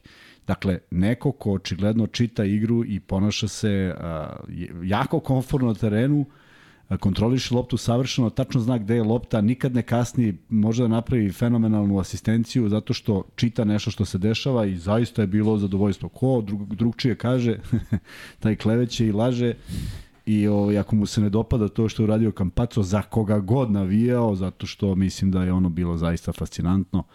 Da neko bude blizu triple dubla tako što će da ima 10 ukradenih je nestvarno. On je bio na 8 i zaista je obeležio ne samo ovo kolo, nego mislim da da je bilo uživanje gledati. I ja čak mislim da bi neko mogao da bi mogao pogledam tu utakmicu ponovo da uživam u tom nečemu što je uradio zato što kažem retko smo viđali tako neke stvari ne samo ovde u regionu, već u Euroligi, da neko sa takvom lakoćom dodaje, dodaje lopte. A ima bilo je fantastičnih playmakera. E, preko 1000 glasova, a Ajde. E, 824 a, lajka, dakle još 176 lajkova nam fali da ispalimo drugi free bet. Vanja, možda ugasiš sada ovaj pol, a ja želim vas da pitam, a to ću tebe sada Kuzma da pitam a, takođe. Da li postoji ekipa u Euroligi koja ima opasniju bekovsku liniju, sada kada uzimamo u obzir recimo da Kampaco može da igra i u jednom trenutku će igrati. Govorimo o Lazme, Lazme, bože gospode, još mi ovde skreću pažnju da je Gabonac, ne Kamerunac. Vildosa, Nedović, Kampaco. Ja ne znam ekipu u Euroligi, sve sam ih prenosio ove sezone, da imaš takva tri igrača toliko opasna na toliko različitih načina. Bekovska, ja mislim da Zvezda ima najbolju bekovsku liniju ove sezone. Sa Kampacom, apsolutno. Samo da vidimo kako to izgleda, jer sve nagađamo i dalje. Bez obzira, opet, na, na lakoću igranja u, u okviru Jadranske lige. Treba vidjeti kako to izgleda protiv ekipa koja će drugačije se spreme, protiv ekipa koji imaju dva igrača na tog jednog, podjednako dobra da vidimo kojim ćemo, koje, koje će taktikom prići, kako će ga čuvati, da li će ga odvajati od lopte. Veliki je problem kad imaš i ovu dvojicu na strani da ti sad kao nešto udvajaš kampace da mu ne omogućavaš. Ali on nalazi rešenje, bez obzira samo da vidimo kako to izgleda i kako njih trojica izgledaju na parketu, iako ne mogu da baš zamislim da će sva trojica biti na parketu u istom trenutku, ali to je sad već stvar uh, toga kako će odlučiti Ivanović. Međutim, zaista me interesuje kako to izgleda i nemam sumnje da će Zvezda sa njim biti jači tim, samo da, samo da zaigra. Evo ovde, Vukadžić kaže, Zve, Kuzma, Zvezda će imati tri vezane gostovanja u 22. 23. i 24. Jeste, da. kolu, to je pre nego što Kampacu može da se vrati. Pa znam. I tu će biti bukvalno broj, ključni trenutak je. za Zvezdu u ove sezone u ligi što se tiče dometa i to posle. Tako je, ali vidi, sad Zvezda ide Žalgirisu, je tako? Da. Pa onda ide u Italiju. Da. Na... Pa ne moguće, čekaj, mora da ima neku kod kuće. Zvezda ide, dakle, sada u Žalgirisu, petak Žalgirisu. Pa, pa onda Partizan. 27. i Partizan, tako je. Pa onda dva gostovanja Italijanima, pa onda Makabi gostovanje. Žalgiris, Zvezda, Zvezda, Partizan, Virtus i Olimpija gostovanje. Tako je. Makabi gostovanje. Tako, tri gostovanja. To Zvezda, e, Alba. To je to, tri gostovanja. I naravno ispravljaju me ovde i hvala svima što su ispravili. Ja sam od nekoga ko nam je poslao poruku pročitao Nije imala Zvezda 10-7, nego 9-8. Znači ovde će sad imati 8-9. Da. Nije 10-7, nego 9-8, što je to menja, menja za nijansu, ali dolazi taj red utakmica. Uh, problem jeste kad ti kažeš Zvezda ide u Italiju, Zvezda ide u Italiju ovaj, na duplo gostovanje. Ja mislim da je Zvezda ispustila Armani. Ja mislim da je Zvezda bolja od Virtusa. Ja mislim da oni tamo mogu da odu i da igraju Malo je reći korektnu utakmicu. Ja stvarno mislim da to Zvezda može. Ja ne vidim da zašto sad to idemo sada sa pričom takva su gostovanja. Ja sam bio ubeđen da će Partizan odigrati bolju utakmicu protiv Makabija. I da nije bilo onog početka, cela utakmica od trećeg minuta, 37 minuta je egal. On je stvarno egal, čak je Partizan uspeo da smanji tu razliku u nekom momentu. Posle su počeli da jure da ne bude 8, pa se to promeni takav izgled. Ali mislim da jedna i druga ekipa uopšte ne moraju da gledaju na to i mislim da postoji uh, ozbiljan kvalitet da se napravi, svi sad to govori iznenađenje. Zvezda je pobeđivala u gostima. Ivanović nema poraz u gostima. Nisu li to da. sve već iznenađenja? Je to pa, ako... slučajnost ili neki faktor koji pa, nešto... Evo, ja kažem, jednom je slučajno, aj dva, dva puta, ali ne može četiri puta. Ali što kako objasniti? Uh, Spet okolnosti, takvi lakši protivnici ne, na strani da, ili šta? Samo, da, samo se desilo to da si mogu da, da, da igraš njima. Da, znači, da, samo se desilo da si ovdje imao Real, da. Real i da si ovdje imao Barcelonu koja daje koš posle eto, toga što se desilo. Što ne umanjuje, još jednom ponavljam, ne umanjuje potez ovoga Mitru, Mirotića. Neće niko to tako lako šutnuti, tako precizno, tako lepo iz te teške situacije i sva, svaka mu čast, ali fenomenalna mi je njegova izjava koja glasi, stvarno nisam znao da sam izašao. Ovaj, prema tome, to su dva rivala koja Jedan je mogao da bude savladan, drugi stvarno ni u ovim, u ovim odnosima mogao da bude savladan i to je jedini poraz da je Zvezda videla da ne može ništa da uradi do kraja utakmice. Sve ostalo, nervoza koja sigurno vlada u Virtusu, jedna, jedna igra koja, ja ste vi dopada kako igra Virtus? Inače ili kako? Inače. Na momente da, ali generalno Samo na momente, tako, da. generalno ti- Ali vidi se da mogu. Vidi Znači, se da, samo da mogu. ozbiljno je pitanje ko je na parketu i kako to izgleda. Da, da. To treba Zvezda da I što ti iskoristi. kažeš, to znači da je Skariolo sad loš trener. Ja sve više počinjem da mislim da tu Kako? ili ne, ono sve funkcionisalo, pa to je to. Tako je. Tako da ima tu sad hiljadu nekih razloga. bio i- tim ekipama da jednostavno ne funkcioniše, iako je trener dobar, igrači dobri, ali jednostavno nešto Ne. nešto ima na terenu. Ne, kažem ti, zaista, ja kad pogledam karijeru i taj Beočin i ta Beobanka i Zvezda uh, i, i, i budućnost, jednostavno znalo se ko šta radi. Naj, najturbulentnija je ona posljednja sezona budućnosti da nismo igrali, da nismo igrali sve to što smo igrali ne bi bilo tako, sigurno bi bilo za nijansu bolje. Ali prosto znaš neku svoju ulogu, male su oscilacije, možeš da izgubiš utakmicu, ali zna se, zna se ko šta radi. Tako da, Kad si krenuo najturbulentnija sezona, ja sam mislio da ćeš reći najturbulentnija sezona sport kluba, kada si bio trener. Ali, to je dobro. posebno, to je posebno Da. da. fioci. Zvezda je igrala protiv budućnosti, imamo nešto da još kažem u tom meču, dakle 10 od 10 Mitrovićevih za, za dva poena, a Zvezda zaista toliko rutinski dobila. Mislim da je ta utakmica pokazala ne samo ovo što sam rekao, e, Partizan protiv MZT je meč koji je pokazao koliko je su Zvezda i Partizan bolji od timova koji su iz drugog dela tabela, ali ovo je e, direktno pokazalo još u Podgorici koliko je Zvezda bolja od tima koji bi pored Partizana trebalo da je napravi najveći problem. A generalno nema nikakvog problema koji može da napravi budućnost. Ovakva budućnost, ovako i Zvezdi. Sa sve Greenom koji je dao 14 poena, sa tim pojačanjima, Kojih 14 poena? Pa ono Da. je skandal na što ono ličilo, pa to nema veze. I onaj da, drugi, to je Green. kako zove onaj drugi? JJ. O'Brien. U, kukulele. Tek ne valja. Uh, Dobro, on je barem korisniji u nemoj, negde. molim Green, te, Green ništa koristi. ne radi u odbrani. Ma ni, ništa se ne dešava na terenu. Pa, dobijam informacije, ljudi neće gledaju više. Dobijem informacije. Pa majke mi, pa, pa Šta su od prijatelja iz Crne Gore koji su navijali za budućnost, koji hoće gledaju dobru utakmicu. Ono je na, onu salu napunio kampacu. 100%. Jeste, činjenica. Kampaco sada je Campazzo da ko Michael pojavi, Jackson pa da. nekada. Ali, o- ali stvarno očekuješ neki veći otpor. Ono. I u jednom momentu šest i ti vidiš kao sad se nešto, a u, odjednom ništa. Ni Zvezda nije igrala neki meč za Ma pamćenje koji će da bude sada ma nešto. kakav Da... pamćenje. E, ali kad smo kod tog meča, aj prvo nešto samo da kažem da pozdravim naše Paypalere.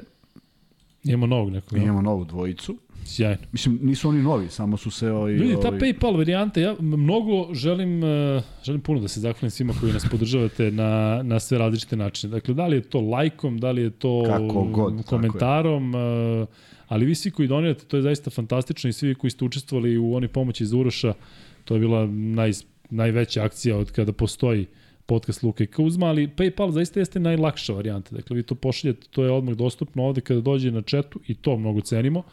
Uh, ili kada bude preko Patreon i Patreon je super varijanta, dakle ima puno načina koji možete podržite, ali PayPal je, ajde da kažem, za vas koji imate PayPal, najlaganiji.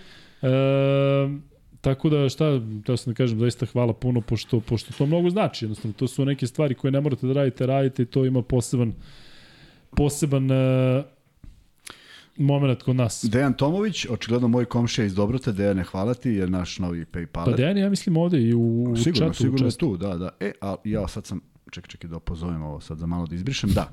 I da pozdravimo Dejana Gazdića, koji nas pozdravlja iz Stuttgarta i šalje nam Odakle iz? Stuttgarta. Nešto nije bilo, Stuttgart. nešto to prvo nije bilo dobro. Iz Šurera, a? Nisam čuo šta bilo je E, Stuttgart. ali evo sad ovaj, ajde kad već pričamo o tome i malo da, da ovaj, promenimo smer priče. Uh, mi smo bili u jogu, Ajde. to smo se slikali, ali tako to je bio petak. Jeste, dakle možete da nas zapratite na Instagramu zato što tamo Kuzma objavljuje i slike Svašta vaše da. i slike naše i sve i svašta. E, bili smo u jogu i očekujemo da uh, vrlo, vrlo, vrlo brzo počnemo sa proizvodnjom ovaj, tih nekih Raznih artikala. raznih artikala. Sam tako rekao prošli put? Kako sam vam beše rekao? Raznih da- artikala koji mogu budu interesantni, vi će tu šolje, čaše, Evo ga, flaše, ovde, boce, da. majice, duksevi i tako dalje. E mi sad hoćemo da, da, da, da, da napravimo jedan sek, da vidimo koliko će toga biti. Mi se negde rukovodimo neki dvadesetak artikala, da li Da, će da tačno probamo biti sa dva, svim. da probamo sa svim. E, Sad ulazite tu vi i onda kad vi ovako lepo nama pošaljete tih 5, 10, 3, 17, 20, 50 evra, mi onda lepo to skupimo i onda napravimo sve to i onda nas smo mnogo srećni što možemo sebi to priuštiti. I to, pošto... ali zaista će biti e, pristupačne cene, zato da. što ovi naši partneri iz Joga su fenomenalni, dakle, e, bit će to zaista mnogo, mnogo e, lepo iskustvo za sve nas, zato što, kažem, bit će dostupno od nekih sitnih stvari, pa ćemo imati neke pakete. Dakle, za sada na našem šopu e, u okviru Infinity Lighthouse imate samo majice, koje su super, ali sada ovo zaista dobija neku proširimo, da. novu dimenziju, što bi rekao Srki Erceg, uh, menja igru. Tako da, biće definitivno zanimljivo. Kuzma, hoćemo da se vratimo na još malo meč uh, protiv budućnosti, ajde još malo prokomentariši budućnost, a kada smo već tu, htio bih da kažem da oni naravno igraju u Evrokupu, uh, rekao si da su negledljivi, Ali opet Nisam rekao među... da su negledljivi, rekao sam da ih ne gledaju ljudi. Pa to ne, ne, pa, negledljivi. Pa, za, pa, mislim, im postoji neki razlog. Znaš kako, tamo je publika vrlo, vrlo, ovaj, znaju da vole, a znaju da ne vole znaju da im smeta sve, znaju da nekada imaju razloga da im smeta, a mislim da im da im ti bledi, ne, čak ne bledi rezultati. O, evo, ja imam otisak da se na ovoj utakmici zakrvio mali Popović i tu je kraj. Jedan od 12. Ne deluje mi da se neko tu, pritom imaju talentovanog Lazića, talentovanog Ilića, pa to je možda trebala da bude ta budućnost te budućnosti.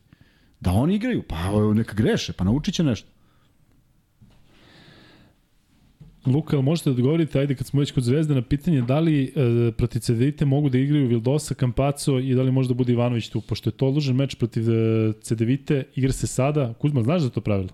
Dakle, to je meč koji je trebalo da se odigra kada nisu bili tu i Ivanović, Kampaco i, i Vildosa. Ne mogu, nemaju prava, da. Nemaju prava. Eto ti. Dobro. Ko je registrovan bio u tom trenutku? A pitanje za Luku i Kuzmu... Ali mogu da vrate Adams. Pa trebalo bi, ne, on ni dalje ni... Pa kad im nedostaje pre, samo ga vrati. Na koga je Duško mislio kada je rekao na konferenciji e, da, da, da određeni da, da, igrači da. nisu igrali na nivou koji zahteva dres zvezde? Da li znaš Kuzma? Da, to je prvi put, se slažeš da, jest, da nikad jest. nije više, nikada pre toga nije On je ranije imao nešto, rekao je nije ovo socijalna ustanova, nekako je govorio opšte, ali sad je prvi put vero, mislio na nekoga konkretno. I ja konkretno mislim da, ne znam šta sad, znaš, nešto, da zaključujem pretenzivno, pret, preterano nekom dedukcijom teškom, Mislim da se odnosi na Holanda koji je ušao i izašao i da se odnosi na Bentila. Mislim...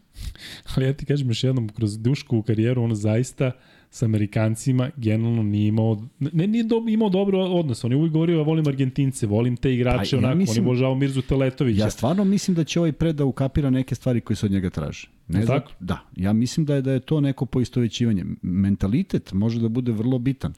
Uh, Znaš, jedna mala zemlja koja trpi neku nepravdu, uh, ta Falklandska ostrva su ostala u sećanju, ona se dešavaju kada Maradona igra ono svetsko prvenstvo, pa zašto je baš se pogađa da daje one čuvene golove protiv Engleza. Znaš koliko je to značilo tamo dole?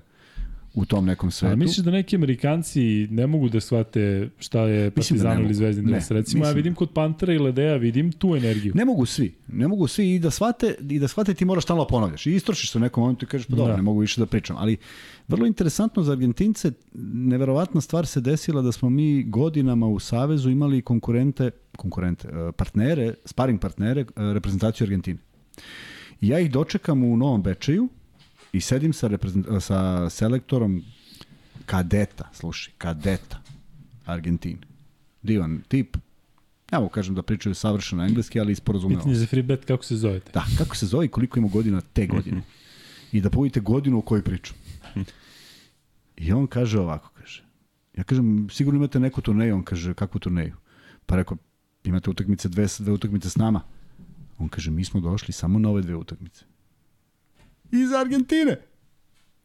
Pa ja kažem, je li moguće? Kaže, nama ove dve utakmice, za našu decu, znače više nego da judemo, jurimo po Latinskoj da. Americi, da igramo svaki bogovetni dan.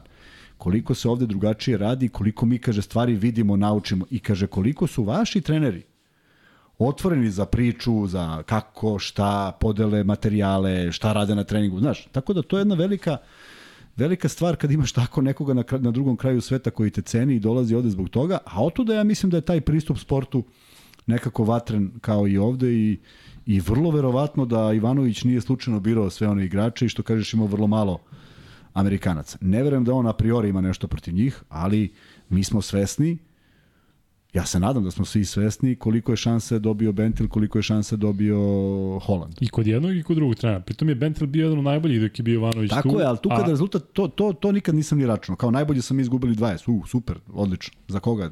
Šaljem kući slike. Mora da budeš Kući vodeći. u Ganu. Pa u Ganu, gde god. On mora da bude vodeći. On nije se snašao ni jednu utakmicu bio ne, ne vodeći, nego blizu. A pritom, opet utakmica, njegov ulazak počinje tako što se njemu spušta lopta. Pa on daje dva poena, onda posle toga onaj airball jeziv. Da, to sa Hollandom i Bentilom deluje da nije popravljivo.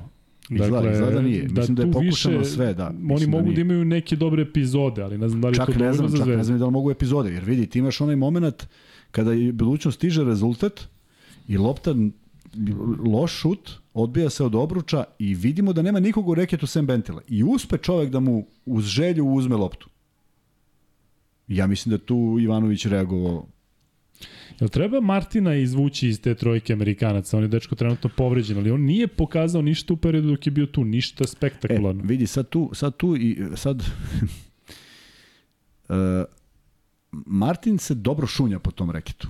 On se jako dobro kreće. Pričaju o tim njegovim frljokama. Ja mislim da bi on se kretao identično kao i Mitrović ti sitni koraci, šuć, muć, tu sam, ovde sam i on bi sa kampacom imao 10 10 poena. Da, svako, svako bi pa i Martin. Pa da, da, pa i Martin. Tako da nije isključeno da će on dobro da se snađe u celoj toj priči, ali prosto očigledno ne može svako, jer vidi, priprema, priprema kampaca kad napravi neku dobru kretnju da ostavi centar samog je mnogo jednostavnija nego kada uh, Holland treba sam sebi da obezbedi šut kroz dva bloka. A on to, a on to ne znam iz kog razloga nije u stanju da uradi. Tako da po prvi put mi se učinilo i na terenu da je Ivanović reagovao, ajde da kažem, burnije nego ikada prema Holandu, koji je ušao pa izašao, i prema Bentilu, koji je posle onog airbola izašao i doviđenja. E, Kuzma, prvo da po, pozdravim Mišuju Kuzminija, pozdrav iz Phoenix, Arizone, dobri ste dečaci, samo napred, da li se može kupiti vaša majica online, živeli? Može. Naravno, može. Vanja, možda staviš onaj, e, dakle, kako, link, kako da dođete do našeg e, šopa u okviru Infinity Lighthouse šopa, a ono što je Kuzma pričao malo pre, dakle, uskoro ćemo ga, jako brzo ćemo ga obogatiti svim i svačim i kažem još jednom, sve će to biti pristupačne cene za te artikle, a prilično kvalitetna roba, to ćete vidjeti sami, jedva čekamo da, da, da se približimo i povežemo sa vama i na taj način. E, Kuzma, da li će Ivanović igrati protiv Žalgirisa, ali imaš informaciju? Ko? Ivanović. Ne, nemam informaciju, Kako nadam nemaš, se da ko hoće. će ako ti nemaš? Stalno u tom telefonu neke se kriju stvari. Halo? Halo? I, i Johnny? Johnny, je li igraš? Da. ovaj, Ne nadam se da ne hoće. Izvini, prošle godine bilo u Denveru, uh, imaš izveštača koji je na terenu, dakle on je ovako, iz, igra se, iza se zagrevaju igrači i sad on komunicira sa ovim svojim u studiju. I sad ga pitaju u studiju kao da li će igrati ovaj igrač. Ja, bizarno, on se okrene, okrene. Je li, da igraš? kaže, ej, ej, je li igraš? Da, da, Kaže, da, ne igra. Kaže, ne ne igra. igra. Dakle, bukvalno, bukvalno Da, naj, naj ne ono treba direktno. insajderska da. informacija, samo ga pita.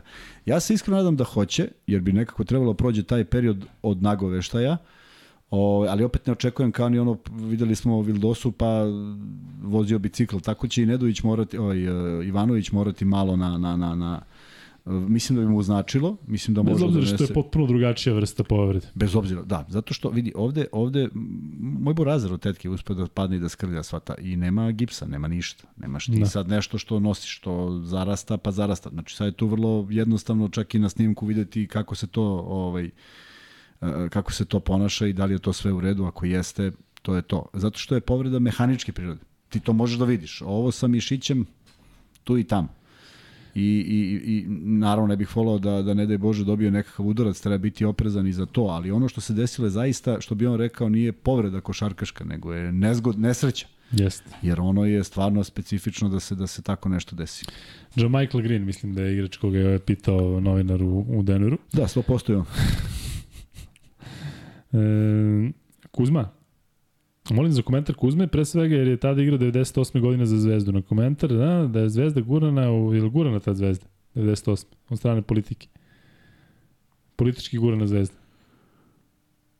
Čekaj, ima neki poenta toga. Ne, ali evo ovdje ima konkretnih imena, ali neću da čitam. Dobro, politički gurana Da zašto? je država Zvezdi dovela tebe i Topića. Država nam dovela. Da. Kako država? Na insistiranje jednog političara. Pita čovjek. Pa kog? Mirka Marjanović. Ma jo. Ti Mirko, kako ste bili? Pa mi smo i dan danas, slušaj da ti kažem, ovaj, Voja Stojković je bio čovjek koji je vodio zvezdu tada, bio je nenormalno zaljubljen u košarku, nažalost ništa o košarci nije znao, ali mi smo igrali takvu košarku da ovaj, kada je došao taj prelazni rok i kada je Zvezda već imala, pa i sad ovo, Perović, Mišković, Jova Stanojević, Rakočević, Bolić. Šta ćeš ti? To su to, to je ozbiljno ozbiljno jaka ekipa tih ajde da kažem mlađih igrača. A onda se gasi BFC. I na tržište ispadamo nas trojica. Šta ti misliš da Voja Stojković nije želeo da dovede Harisa Brkića pokrenu? Mižno nije želeo vratiti Tomaševića. Mižno ne bi vratio. Nego smo se mi pojavili na tržištu slobodni jer nemamo klub. Da BFC se nije ugasio, ko bi prešao u zvezdu? Nego se mi pojavljujemo i oni gađaju svu trojicu i nas trojica u paketu prelazimo. U istom trenutku prelaze Popović i Benčić iz Beobanke i ti dobijaš pet starijih, iskusnijih, pet mlađih, pet koji su igrali istu košarku. Darko Russo ili Muta Nikolić, u, mnogo, mnogo je to ličilo jedno na drugo. Prema da. tome, lako smo se mi u, uklopili svi zajedno. Oni su se malo, malo pa neko nekog smeni negde, tako? Oni su... Nisu, nisu. Pa da nije u... Samo u, u Patri, samo u Patri. Pa Partizan? Nije bio Darko Russo, je došao ka, ka, ka i Hahaj posle. Posle Mute? Aha. Da. U budućnosti isto došao, ali i Hahaj, da. Ali nisu jedan za drugo. Ne, ne, ne. Ali nisu, mnogo, nisu. složit ćeš se, mnogo pa koji su zajedno se, Da, preklapalo se. Da, još 32 lajka, pa je, cipam, cepamo drugi free bet. Umeđu vremenu pitanje za bojcu, kako očekujete igru Zvezde protiv Žalgirisa? E, Kuzma, koliko može da bude faktor što je Zvezda prošle sezone, kada je bila u Kaunasu, imala onakav uh, tretman, sećaš se one situacije mm -hmm. sa zastavom, Jel to pamte igrači, jel to pamti publika? Mislim da će Zvezda ipak e, kao srpski tim, prvi srpski tim koji gostuje ove sezone tamo, a znamo šta se misli, da će to u Žalgirio areni biti onako prilično vatrena atmosfera. Biće, biće, ne verujem da će biti nešto preterano nekog ludila, ali biće. A, moraš da imaš negde to u glavi, da ničim izazvano, Da. Je prošle godine je bilo nekih ružnih stvari, to nema nikakve veze ni sa Litvanijom, št, koji su njihovi politički pogledi i sve to nema nikakve veze sa Crvenom zvezdom i bilo čim. Uh, ja ako se dobro sećam, poruka koje, koju su zvezdini igrači želeli da drže je stop ratu, a njihov transparent je bio nešto vezano za Ukrajinu ili protiv Rusije, tako. Nema šta neko da se opredeljuje, ne mora niko da razmišlja ništa o tome, jednostavno neke stvari ne treba mešati, ako svi pričaju, a verujem da i u Litvani pričaju da ne treba mešati politiku i sport, ovo je bilo direktno mešanje. Ja znam da je to floskula i da se sve to meša, ali hoću da kažem, ovo je eksplicitno na što ti možeš da, na što ti ne moraš da pristaneš, prosto nije, nije, nije, ne postoji pravilo pod kojim moraš to da pristaneš, naravno da je to izazvalo određene reakcije i naravno treba znati negde da uh, ja sam stvarno gledao taj Žalgiris sa, sa velikim simpatijama, pre svega zbog košarke, ali onda mi malo to sve otišlo u neku drugu krajnost, pa mi više nisu bili simpatični. E, zašto sam sa ovim počeo? Zato što je naš... E, naš gost je bio Nenad Čanak koji je ovde pričao letos o super svoj sezoni u Letkabeli, su u tom trenutku se još nije znalo da li će potpisati i on je ovde rekao kako su specifični odnosi između Srbije i Rusije i da se to možda u Litvaniji ne sveta kao što su specifični odnosi između Litvanije i Rusije i da to možda se u Srbiji ne sveta. To je tamo u njihovim medijima, tako Kuzma, dobilo neku dimenziju, sećaš se, I zato Tako sam je. ja vrlo skeptičan kako, kako se u Litvani gleda, gleda generalno na, na, na Zvezdu, Partizan i generalno šta, šta sve dolazi iz Srbije. Tako da vidjet ćemo. Ja se nadam da će da će mm, da će sve biti ok, da će akcent biti na košaci, ali kakvu utakmicu očekuješ? Žalgiris si u fenomenalnoj formi, jest, dakle... Tvrdu, može se odgovoriti to što oni igraju. Vidiš da, da, da može da se igra dakle, sa manje stranih igrača. Može. Dakle, Žalgiris je tipičan primjer, dakle, domaći košarkaši, imaju Šmica koji je isto sa Baltika, on je letonac, bio je taj Kina Nemans koji se povredio. O tome, o tome, to je ono što pričamo. Dakle, Ovaj Kivarius Hayes na centru, on ni, ni ne doprinosi puno, znaš. To, to je ono što, o čemu pričamo i to se desilo u, u, eto, u Zvezdi i Partizanu na za dve godine. Dakle, velika stvar je povratak uh, Nedovića, Andjušića i Kalinića. Zato što ako postoji teoretska mogućnost da ti nekoga platiš toliko, zašto da ne? Zašto bi, zašto bi taj neko Tako bio bolji? Uh, Žalgiris je u jednom momentu skrenuo sa te putanje, pa je bilo negde otprilike 6-6 odnos i to nije dalo rezultat. I da, prošle brzo... sezone ima bila kriminalna. Tako je. Znači, prosto nešto, nešto probaš, nešto vidiš da ne... A imaš ogromnu, ogromnu većinu klubova koji se rukovodi time, daj, ko je slobodan? Joe, daj ga. Iako pamtiš kako je Joe igrao pre četiri godine, ali daj ga, on je slobodan, mora da je dobar. Ba ne, kakav će bude? Ma, Da daj što daš, pa da, sad e, kad već to je to, to je to. Ja bih volao da neko, zamisli, zamisli da postoji koncept neki i kaže neko, ej, nama je cilj da budemo to i mi ćemo to da uradimo tako i mi ćemo da se prostremo koliko možemo i stvarno to i urade.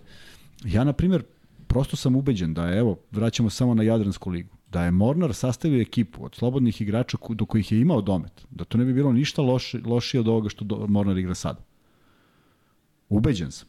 Samo da, samo da zagrebe malo po srpskim i crnogorskim igračima koji igraju negde u regionu, na, u nekim marginalnim ligama, jer ih tako put odveo i neka nesrećna okolnost.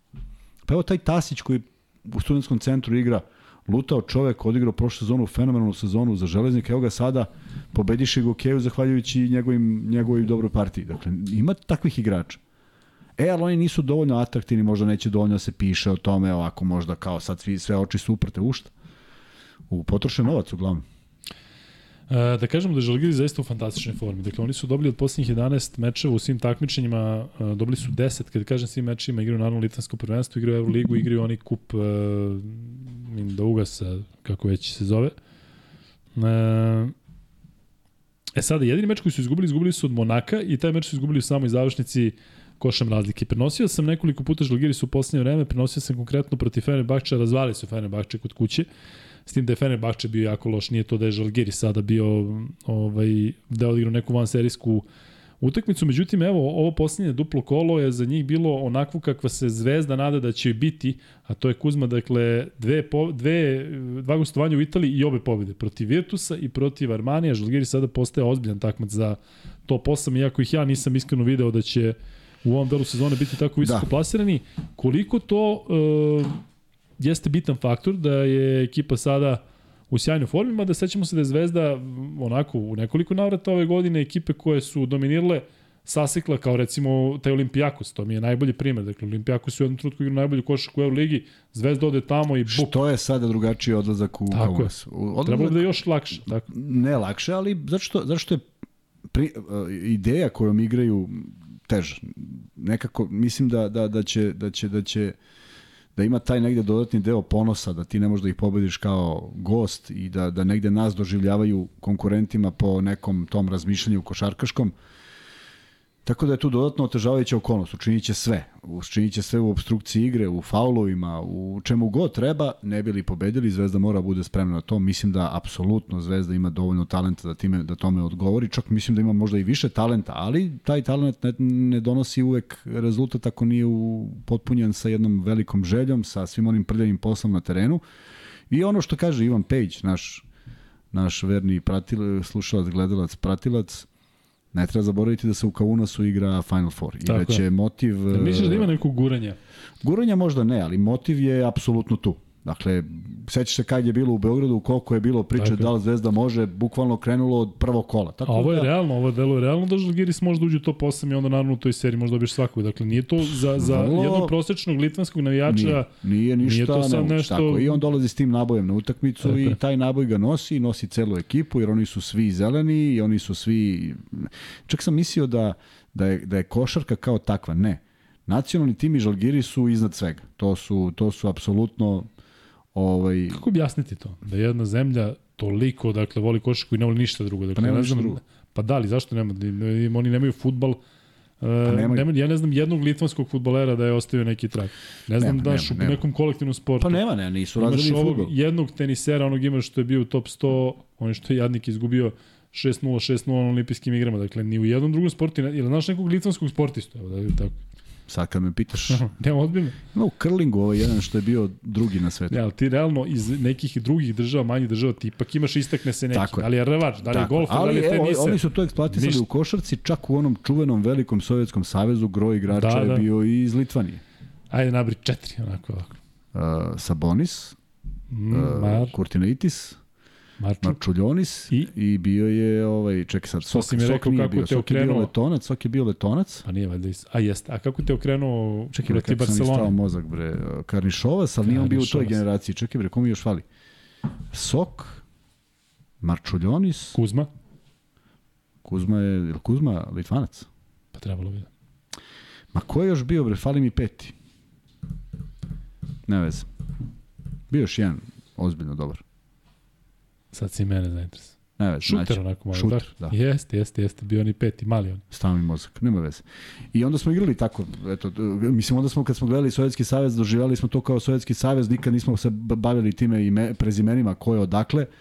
U suštini najmanje Rusa je bilo, čak je bilo i Gruzina, bilo je Litvanaca, bilo je poneki Letonac, a negde Belov je ostao zabeležen kao Rus i, i malo ih je. Homičus. Homičus, Evo pa, to, pa Homičus, naravno, e, to ti je to. Tako da, ovaj, mislim da Sok nije bio Litvanac, mislim da je Sok Letonac ili Estonac. Pa pređi bi da je, Sok. da je stonac. Da. Tit Sok. Ali Kuzma, ja mislim da je Kuzma, sad ću nađem Kuzma. Kuzma i Sok, što je Paspalj Kousma, pričao. on je, on je, on je Estonac. Je li tako, bojice, da. Mislim pa da jeste, samo, da Paspalj mi govorio, dva je stonac. Kousma. Eto ti. E, da se vratimo mi na, na, da se navrati naš Kuzma na Žalgiris. E, koliko Zvezda treba da razmišlja o razlici i onih plus 4 iz Beograda?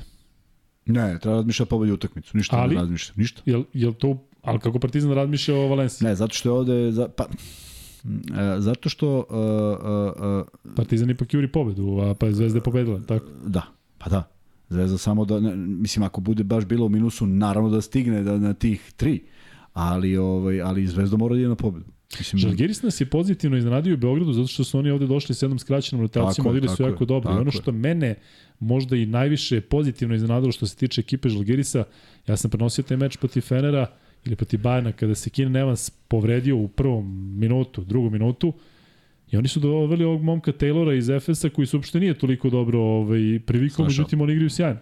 Dakle, oni bolje se na njegovu... bolje Da, igraju bez njega. Razmišljaš, pa da, pazi, razmišljaš, Evans ti se povredio, a ovaj što je došao nije ga dobro uh, zamenio, a Evans je bio alfa i omega tima, međutim oni igraju jako dobro. Tako da sve pohvale za Žalgiris, ali ovo je prilika da Zvezda pokaže koliko je, koliko je dobra. Jel imaš nešto Kuzma na nekoj konkretno poziciji gde misliš da bi Zvezda mogla da ima prednost uvek kada imaš Lekavičiusa ili Lekavičusa kako se pravilno izgovara, a, imaš osjećaj da može svako da ga napadne leđima. Vjerojatno ne bi mogao Kampaco da je u ekipi, ali onako omlanog igrača, ali to recimo pravi neku u, u scoutingu tima i u nekim taktičkim varijantama da ti kada je Lekavičius na trenu da to menja potpuno E, pokušavaju svi, ali se vrlo brzo izvuku. Ima određenih rotacija koje su kod njih već dugogodišnje. I Da, onda jako, tako, i oni onda lepo to rotiraju. Nisam vidio da je neko uspio da ga ubaci, a da nema nekog sa strane Da. pomoći da je tu u reketu. Tako da koliko god lako izgledalo, on je izuzetno dosadan u odbrani, jako dobro se postavlja. Kada krene na levi ulaz ide na polaganje, kad krene na desno traži pas traži pas na drugoj strani, to radi fenomenalno, izvije se u vazduhu i uvek nađe čoveka. A, dobra stvar što se Zvezde tiče što ima dovoljno dana da pripremi tu utakmicu za neke takve stvari. Videli smo kako to Kampaco rešava kad stoji dobro pozicioniran, svaka lopta upada u ruke. Nažalost nije svako Kampaco, ali mislim da ima boljki koje koje Žalgiris uh, uspe da uspe da da ispravi tom neviđenom željom jednim izuzetnim šutem za tri pošto tamo zaista od od od Lekavićusa do Šmica svi svi mogu da šutnu trojku i to može da bude ozbiljan problem ali ima Zvezda čime da odgovori. Sad hoćemo da vidimo uh, Petruševo u istom izdanju, hoćemo da vidimo Vildosu i Nedovića u dobrim izdanjima, hoćemo da vidimo defanzivu protiv koje ako Barcelona nije mogla da igra i pojedini igrači Reala, što bi igrali igrači Žalgirisa. Dakle, nije to... Samo što su oni dosta strpljivi. Znaš, njihova košarka nije nešto preterano lepa kada igraju za rezultat. I onda je to 23 sekunde i onda neki neki koš proizvod, pre svega neviđene želje i ne neke lepote ili neke uigrane akcije, ali ima tu igrača koji mogu da reše utakmicu sami. Prema tome, e, vrlo sličan ritam, vrlo verujem da će biti spora košarka. Kad kažem spora, Zvezda bi čak mogla malo da eksploatiše te neke svoje e, dobre momente i dobro trčanje i jednog Vildosu ili ili ili ovaj e, Markovića koji su u stanju i dovoljno iskusni da bace dobar pas, ali ne preterivati u svemu tome i zaista nas očekuje jedna interesantna utakmica u kojoj ako Zvezda triumfuje potpuno onako drugačije izgleda sve to što sledi. E, imamo 1000 lajkova, tako da uskoro sledi Može. free bet. E, evo, kaže Aleksandar Stojićević, pre toga samo da kažem po meni, pošto nema Evansa i Kevanova, Kevanov takođe ne igra, e, trenutno je najopasnije u Žalgirisu, Žalgirisu Lekavičius i Ulanovas i Letonac, to je Šmic, To su top 3 igrača, uh, mada oni Dimša, Butkevići, su ovi što ulaze sa klupe su mnogo nezgodni, zašto od njih ne očekuješ Nezgodni, mnogo, nezgodni, dakle tako svaka, ovaj Birutis, centar, dakle ono je baš atipičan centar, onako rukat sav, ima dakle čak, čak i onaj čist horog, uh, tako da će biti to vrlo zanimljiv meč, ali E, što se tiče konkretno ovog uh, Ula Novasa, on je baš nezgodan igrač. Ono što si ti pričao za uh, Gidritisa, doduše drugačiji tip, ali onako levoruk, jest, možda pogodi jest. trojku, delo da je sport, čudne kretnje, možda odigri leđima, ja da sam košarkaš ne bih volao da, da čuvam Ula Novasa. Vrlo, vrlo nezgodan, tamo misliš da čuo si ga, on izmisli neki korak, onom levom rukom zavrne jest, nešto neočekivano. Jest. Pun, pun samopouzdanja, čovek koji je kao ovaj Jan Kunas, je li tako? Neko Jeste, ko je, je ikona dugo. ekipe i tako dalje. On je otišao na Fenerbahču jednu sezonu, nije se pokazao, Ma vratio se i odmah se vratio u sistem i igra, pa da, igra pa da, sve kako to je treba. to, pošto se tamo menjaju uglavnom treneri, a da, sistemi da. ostaju. Ovaj trener je prošao sve selekcije, što znači da gaja vrlo slične sisteme, verovatno i u tim mlađim selekcijama. I koliko je bitno što je selektor litvanske reprezentacije. Da, To se sve poklopilo. Da, da, on ima tu dakle, nekoliko reprezentativaca. Tako je, tako ovaj tako Brazdikis je čudan u smislu da... Može gore dole, ali može tako da... Tako je, on je jedini koji tu i može od 30 poena do 0 poena. Da, dakle, baš da. onako nezgodan i on je ovaj, takođe ako se naravno levoruk, trebalo bi da jeste. Pritom je on moj dečko rođen u Kanadi, ja sam mislio da se neće najbolje navići i bilo je oscilacija, ali je bilo i mečeva kada je bio najbolji u Žalgerisu. Uh, Elem, da se vratimo na free bet. Free bet pitanje, pošto pominjate košarkaša iz Estonije. Koji je jedini košarkaš iz Estonije koji je bio u NBA ligi? Kuzma? Šta ja treba odgovorim? Pa, nego ko? Mogu da si protiv ovog igrao. On je tu negde tvoj... Ovaj... Mora da mi ostaje neki utisak. Ću baš da vidim da li, da, li, da li ste zakačili negde ti... Da pozdravimo gospodin. Stefana Milenkovića, čuvenog violinistu kao našeg novog patrona. Možda je stvarno zezaš... Nema ko drugi. Da. Dakle, tačan, tačan odgovor je Martin Mursep. Stvarno? I da vidimo ko je odgovorio tačno. Pa ne bi se setio njega. Šta kažeš? Da, Milan Milanović je odgovorio prvi. E, on je 74. godište. Si kačio Mursep, znaš ko je Kuzma? Nisam ga kačio. Pazi, Martin Mursep, u, M, U, U, a na oba U one dve tačke. Mursep. Šta li je to? Mursep. Pitaj Bog. Kako meni si kačio, bre, igrao, evo, u Arisu igrao. Igrao u Ajku kad si ti igrao u Patri. Ni ti ga ne znaš. A možda si ga čuvao. Sigurno. Kakav si čak. A viš, dok si ti igrao u budućnosti, on je igrao u Majami. Možda ga zato ne znaš. E, a odatle ga se sećam. Dobro, evo Vanja je stavio ovde za vas koji hoćete da kupite majice, ali kažem, e, super je to i odlične su majice, ali uskoro ovaj, ćemo imati svašta nešto. sve i svašta. A da. gde stavio? Šta šta? Gde stavio? Stavio ovaj link odmah ovde na chat, pa mogu direktno da neko je ovde e, pitao dobro. gde mogu da se da. kupe da. majice. I stvarno su dobre majice, baš dobro, dobro čuče. Evo recimo ovo na meni sad XXL, prvi put nosim XXL, morao sam da uzem ovde iz, iz magazina jednu. Ovo XL onako, evo, da, ovo, ovo, ovo na Kuzmine kombinacija. Ovo je, ovo je Kuzmine kombinacija. Ovo je dres. Njegove majice i dresa koji ćete moći da kupite. Dakle, dres će tek da se nađe na, Za sad ga poklanjamo. E, ja nisam zaboravio sve ljude kojima sam obećao one sve ternose. Da, pitaju, tamo, pitaju da. kad će Kuzma crni dres da šalje ostalo. Pitaju, a?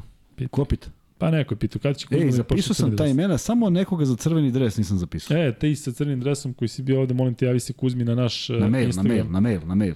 Svi na mail. na mail. E, da. I sad svi, ko, jer ja imam zapisana imena. Da, vi isto koji ste za poklon, javite se na mail. I da još Jest. jednom se setim, dakle, uh, Za free Ko je bio ovde, da, za free bet. Ivan Ićin je poslao već na, na mail. Ivan Ićin zna, Tako. ali uh, mislim da je... Čekaj da nađem ko je sada... Evo ga. Milan Milanović. Je li on za crveni dres? Ne, ne, ne, nego, je li tako, Milan? Milan Milanović, dakle, je dobitnik ovog drugog free beta. Milane, šalješ MaxBet ID na mail Luka i Kuzma. Luka i Kuzma at gmail.com, zato što na Instagramu više nije moguće pohvatati vaše da. poruke, pošto stižu u stotinama, što je divno, samo je teško za Kuzmu koji... Ne mogu da ih nađem posle kad prođe, da. kad prođe, kad dođe jutro. Tako je. E, I dobro, to je Kuzma otprilike to što se tiče Zvezde i Žalgirisa očekuješ dakle pobedu, pobeda je jako bitna, rekao sam da je za Partizan ovaj meč za Valenciju. Da. Ja želim da gledam dobru utakmicu, dobru da, utakmicu da Zvezda... za tvoje, za tvoje ovaj Ne samo, ne samo, samo da Zvezda jaka odbrana i sve. Ne, ne, ne, ne, ne u tom smislu, da gledamo konkurentnu utakmicu, da da Zvezda iskoristi sve neke slabosti koje Žalgiris ima, a ima ih i da i da budu i da i Partizan i Zvezda budu što konkurentniji za taj za taj plasman koji će mnogo značiti u nekim drugim stvarima uh, u nekoj promociji srpske košarke i povratak da se najzad uh, neka ekipa nađe u završnici iako ja stalno volim da ponovim da je Mesina komentarisao malo sistem takmičenja zato što 18 ekipa ima slične ambicije, a 10 ispadne iz tog play-offa. Prema tome, gledamo jednu, jednu agoniju Panatenikosa po ko zna koji put, gledamo neke i neki Bayern koji ulaže mnogo, gledamo, aj sad pomozi mi ko je tu, gledamo Armani koji uložio neverovatno, gledamo Albu koja je otvorila sezonu i sigurno ne žele da igraju da bi, da bi tu malo učestvovali.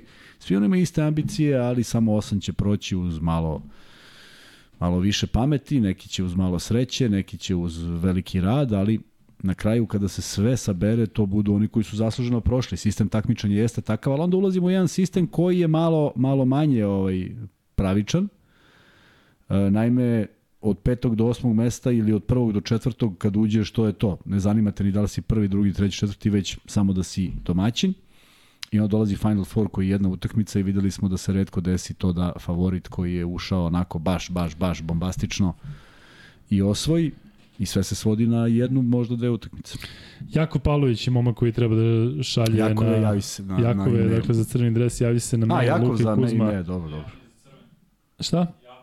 Da, za gmail.com, odnosno gmail.com. Kuzma Polonara je u Žalgirisu. Jel yes. to ima neku težinu sada, pošto je bio pomenjen kao mm, eventualno zvezdin igrač, pa je tu verovatno, ako uopšte bilo realno, verovatno stalo zbog ove situacije u kojoj je Zvezda trenutno. Koliko čekaš od Polonara? Ona si je napunio što se tiče reprezentacije, nekako ga ja pamtim da protiv naših klubova uvijek igra dobro. Pa, I reprezentacije kluba. Sad neko, I on onako levoru. Sad je neko malo čas poslao, eto kaže, i Žalgiris, i Žalgiris je poguran od strane Evroligije, blokada Kampaca, Polonara završava tamo. Da. Ne mislim da to baš tako ide, zato što jeste bilo nekih grešaka u koracima od strane Zvezde to definitivno, a to Polonara što nije završio, pa ja mislim da nije završio zato što je ispao ceo taj problem. I ne znam koliko je on bio viđen u Zvezdi, iskreno, zato što toliko nekih informacija se pojavi, a u stvari nemaju veze sa, sa realnošću. A, njima se povredio igrač jedan, doveli su igrača, Polonara se pojavio u slobodnom tržištu, otkud on slobodan i kako to sve, ni to mi baš nije sasvim jasno, nešto očigledno nije funkcionisalo. Koliko je on pojačao ekipu, iskreno ti kažem, ne znam, Ne znam da li, da li je to sad nešto bez čega Žalgiris nije mogao, ali kupiti jednog kvalitetnog igrača, a on jeste kvalitetan, uh, samo ne mislim da je neko ko rešava utakmice i ne mislim da je neko ko bez koga Žalgiris nije mogao, ali kada se pojavi na tržištu možda je logika uzeti ga pre nego što ga uzme neko drugi i to ima mnogo logike. E, ne znam koliko je sada lajkova, trenutno piše da ovde je 1K, ne znam koliko tačno, ali čim dođemo do 1.2, dakle do 1.2 odmah pucamo i treći free bet i već sam spremio treći free bet u vezi zvezde naravno, tako da čim dođemo do 1200 lajkova ispucamo dakle i poslednji max beto free bet za danas. Ja ću sada da uzmem i da potpuno malo privatizujem ovaj podcast. Kuzma, ti nemaš ništa protiv, pošto ćeš ti da uzmeš i da, da sad odgovaraš tu na... Ne odgovaram. Ja, meni su na, napisali par komentara. Možemo da zamolimo Kuzmu da manje gleda u telefon i ja stvarno trudim da gledam manje. Ne znam da si primetio. Šta, da manje gledaš u telefon? Pa da, da pa jesam, šta su poruke. pisali da... Jest, jest, i potpuno su u pravu, znaš, ti mene nešto pitaš, ja sad treba da se saberem. To je poštovanje prema, prema ljudima koji šalju. Koji gledaju, možda nađeš balans sad to, da pa malo evo, pokušam, se. pokušam malo, pa kad pričamo vidiš da sam manje više fokusiran na sve to, onda nađe malo da odgovorim, ali stvarno se smanjio ovaj, ovaj, taj neki priliv informacija, jer verovatno je zgodnije da, da ljudi slušaju šta pričamo, a uvek ima mesta i za pitanja, čak i kad kasnije stignu ja mogu, nego meni u stvari bilo najinteresantnije, evo sad sam dobio 3-4 što slika, što video zapisa, koje ću naknadno ovaj objaviti. Sve to Kuzma, pa, da. kada sedne na svoju terasu, tako sve to onda ide. To od, od, od 1 do 4 tako je. E, dakle, prva stvar vezana za privatizovanje ovog podcasta je da pozdravim mog kuma Srkija koji je Opa. trenutno bolestan Uz i pesmu. tek kad je tek kad je sad bolestan i vezan za kredit, tek sad je počeo da gleda podcast, do tada nije gledao. Sad neće nije privede ovaj, I kaže da se već navukao, tako da kume ozdravi što pre. A druga stvar je, dakle, za minut moje ljubavi je rođendan. Oh. Dakle, ljubavi...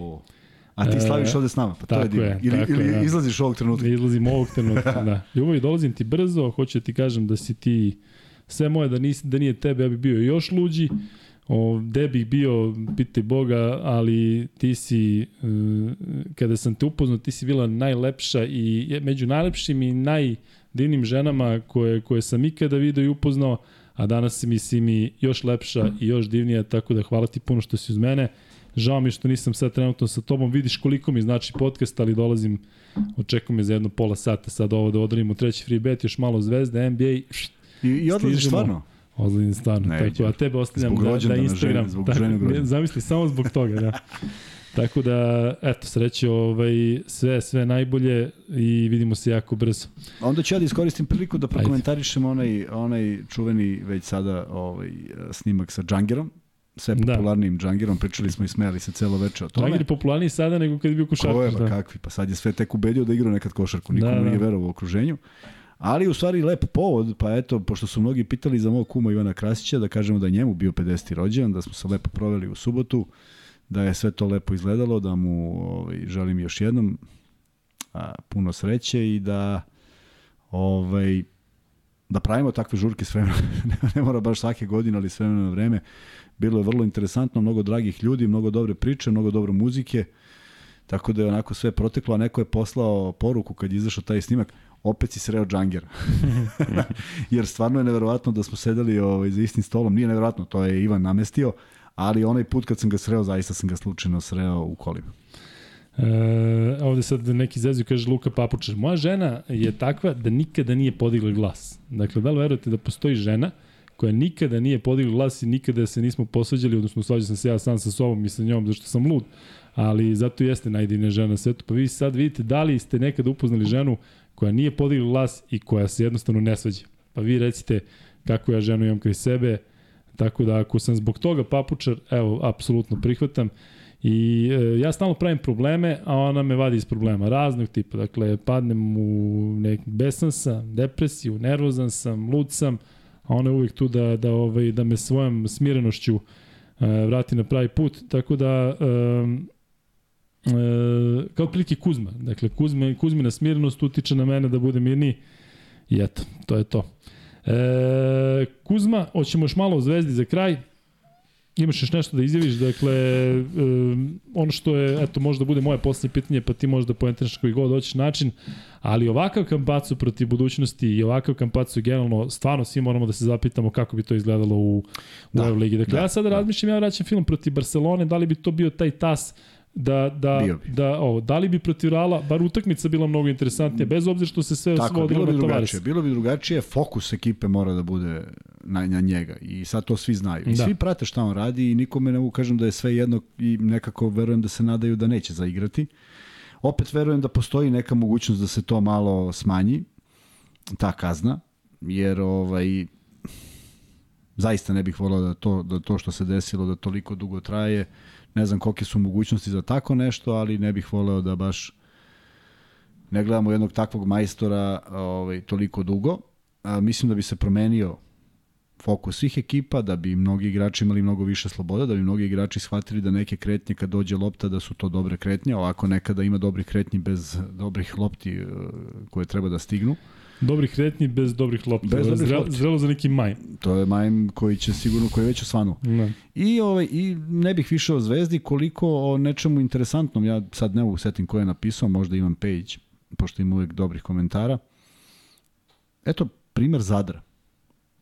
Zadar koji ima mlade domaće igrače koji prilično dobro igra, koji je napravio neku ideju šta hoće od ove sezone, koji to prilično dobro i gura, nalazi se na sasvim solidnoj mestu, na sasvim solidnom mestu na tabeli. Ne verujem da su im ambicije da budu prvaci ABA lige, nisu zato ni okupljeni, ali njihova košarka deluje lepo, oni, oni na terenu deluju da znaju šta rade. Da li to može da da rezultat protiv ekipa koje su sazdane kao Partizan i Zvezda? Vrlo verovatno da ne. I tu je potpuno u pravu Jaca Petrović koji priča o tome da je to sve drugačije, ali takva je realnost. Međutim, u moru, u moru ekipa koje još postoje, Zadar se jako dobro snalazi, igra dobre partije, ima mnogo dobrih, interesantnih momaka, talentovanih. Prema tome, sve zavisi šta si stavio na papir, koja ti ideja i šta hoćeš od sezone. Nekako mi deluje da je u, u, uz, na primjer, uh, Zvezdu Partizan, uh, FMP, da je tu još jedino Zadar u nekoj ideji možda studentski centar. Šta tačno šta tačno hoće i dok da, se da. protežu. Ovo sve ja mislim da može za nijansu drugačije, za nijansu bolje, ali to naravno na ljudima koji tamo odlučuju. E, da, e, veliki pozdrav za Milana Milanovića, momka, sreli smo se, pa znam, sad znam ko si ovde si A, napisao. on je, on je dobio freebet. Jest, je, ne, ne, poslao ne, on je, e, njemu, smo, njemu sam nosio dres pred Baskoniju. Aha, Ili dobro, njegovom dobro, drugaru, ali dobro, to je ta ekipa. Dobro. Tako da, e, Kuzma A Milan za... Milanović je po, pogodio bre čoveče. A, Kuzma se pogubio. on je bio sa Milanom, Mi- Mi- Milanom Milan Jovanovićem. Jovanović, Da, tako je, podres, tako Milan je, Milanović, tako je, da, tako je, dobro. tako da, je, jasno tako je. sve. E, Kuzma, za kraj, odnosno pred kraj ćemo da kažemo još nekoliko stvari. Dakle, e, pomenut ćemo mečeve koji se u četvrtak igraju u okviru u okviru Da, šta nas čeka u okviru Euroligi? da i da vidimo šta je ovde ovo. Zašto mi pokazuje da, je, da, je, da se u sredu igra? Ne, ovo je neka greška definitivno. E, Što se tiče mečeva Evrokupa, Kuzma, pričali smo o budućnosti da ne izgleda najbolje, oni igraju protiv Šljonska sada na svom terenu. Budućnost, e, neko ovde pisao da li treba otpustiti Vladu Jovanovića, nije to rešenje, ili tako? Mislim da nije. A kako si za Vladu Jovanovića mislio da... Isto da, sam ovaj, mislio da nije rešenje. Da. Čim Vlada Jovanović, Čim Vlada nema, Ivanović da. pitanje, ja mislim da nije rešenje. Ali dobro, zaista želimo u budućnosti da izgleda bolje nego u meču protiv Zvezde i da ima veći broj navijača. Cedevita Olimpija kao još jedan tim iz regiona igra protiv eh, Kluža na Poke. To, eh, to je rumunski tim koji se prenosio nekoliko puta. Oni zaista igraju promenljivo, dobro su počeli, čak iznenadili, pobedili Juventu, da ako se ne varam, ali sada su prilično loši, tamo igraju Birčević, Gordić, ima doš, još eh, igrača koji su prilično poznati iz regiona ali ne bi trebalo da bude problema za CDVita Olimpiju i Kluž igra uh, na veliki broj poena, tako da eto, za vas koji se kladite, meni to deluje da bi moglo da bude puno koševa, kao što mi recimo deluje da Žalgiris i Zvezda ne može da bude meč na veliki broj poena, gledajući Žalgiris, poznajući Duška Ivanovića, to je zaista ovaj, nekako zaključani minus, što bi rekli. E sada, ako uzmemo mečevi koji se igraju u okviru uh, prvog dela Evroligije u četvrtak, pored duela koji smo pominjali između Valencije i Partizana koji će biti posljednjih tog dana, su Fenerbahče Monako, Maccabi Alba, Baskonija Barcelona i Virtus Panathinaikos. Ajde e, pomalo da, da pričamo o svakom meču, dakle evo ja ću jedan pa ti jedan. Dakle Fenerbahče Monako, Fenerbahče podigao formu u odnosu na onaj period kada su zaista bili u krizi, evo sada su zaista razvalili bursu, dakle kao da je e, rukom odnešena kriza koja je trajala dakle protiv Burse na gostovanju. Bursa ima dobar tim, ima dobrog trenera, ima dobre navijače. To je baš bilo onako start cilj što bi se reklo, mislim da su im bacili preko 100 poena. A što se tiče Monaka, jako loše izgleda u Beogradu protiv Zvezde. E, tako da bi trebalo sada da popravi utisak. Mislim da će to biti jedan od najzanimljivijih mečeva u okviru ovog e, narednog kola. Monako Fenerbahče? Da. Da, da. Fenerbahče interesantno, Monako, tačnije. Da. Kuzma Makabi Alba. Alba koja je, eto, iznenadila sada u posljednjim, posljednjih nekoliko mečeva. Odigli su Egl protiv Reala, pobedili su, čini mi se, Armani i to prilično ubedljivo. Sada igraju protiv Makabi, ali Makabi je potpuno drugačija ekipa na svom i na gostujućem terenu. Tako, ima sve pobede osim jedne. Tako je. Na domaćem terenu igraju euforično, čak i kad im ne ide, oni igraju neku svoju igru. E, puno je dvorana, e, mislim da su negde iskalkulisali da, da, da pobeđivati kod kuće pa nešto oteti na strani jer će biti sasvim dovoljno. Mnogo, mnogo drugačije izgledaju u gostima, mada ne mogu da kažem da je protiv Panatenikosa to izgledalo loše. Nekoliko loših odluka, nekoliko poteza koje su igrači Panatenikosa bukvalno smislili je ovaj, vratilo Panatenikosu opet neku nadu e, za, za, za boljim plasmanom nego što je to sada realno, ali Makabi je apsolutni favorit protiv Albe, bez obzira što Alba zna da ubaci svoje ekipe u ritam kada ih melje, mislim da Makabi zna da odgovori na to, jer na domaćem terenu vrlo slično igraju. E, Barcelona, Baskonija, odnosno Baskonija Barcelona igraju, to će biti interesantan meč. Ja očekujem da Baskonija nastavi da pada, dakle oni su izgubili nekoliko Da, mečeva, računajući ovaj, tako Da. je, i ja mislim da oni, ne bi mi znalo čak i da ne uđu, ne uđu u top 8, daj Bože da ne uđu u top 8, pošto se tu otvara jedno mesto više za Zvezdu i za Partizan. Ja mislim da je ozbiljan problem u Barceloni ako izgubi od Baskoni.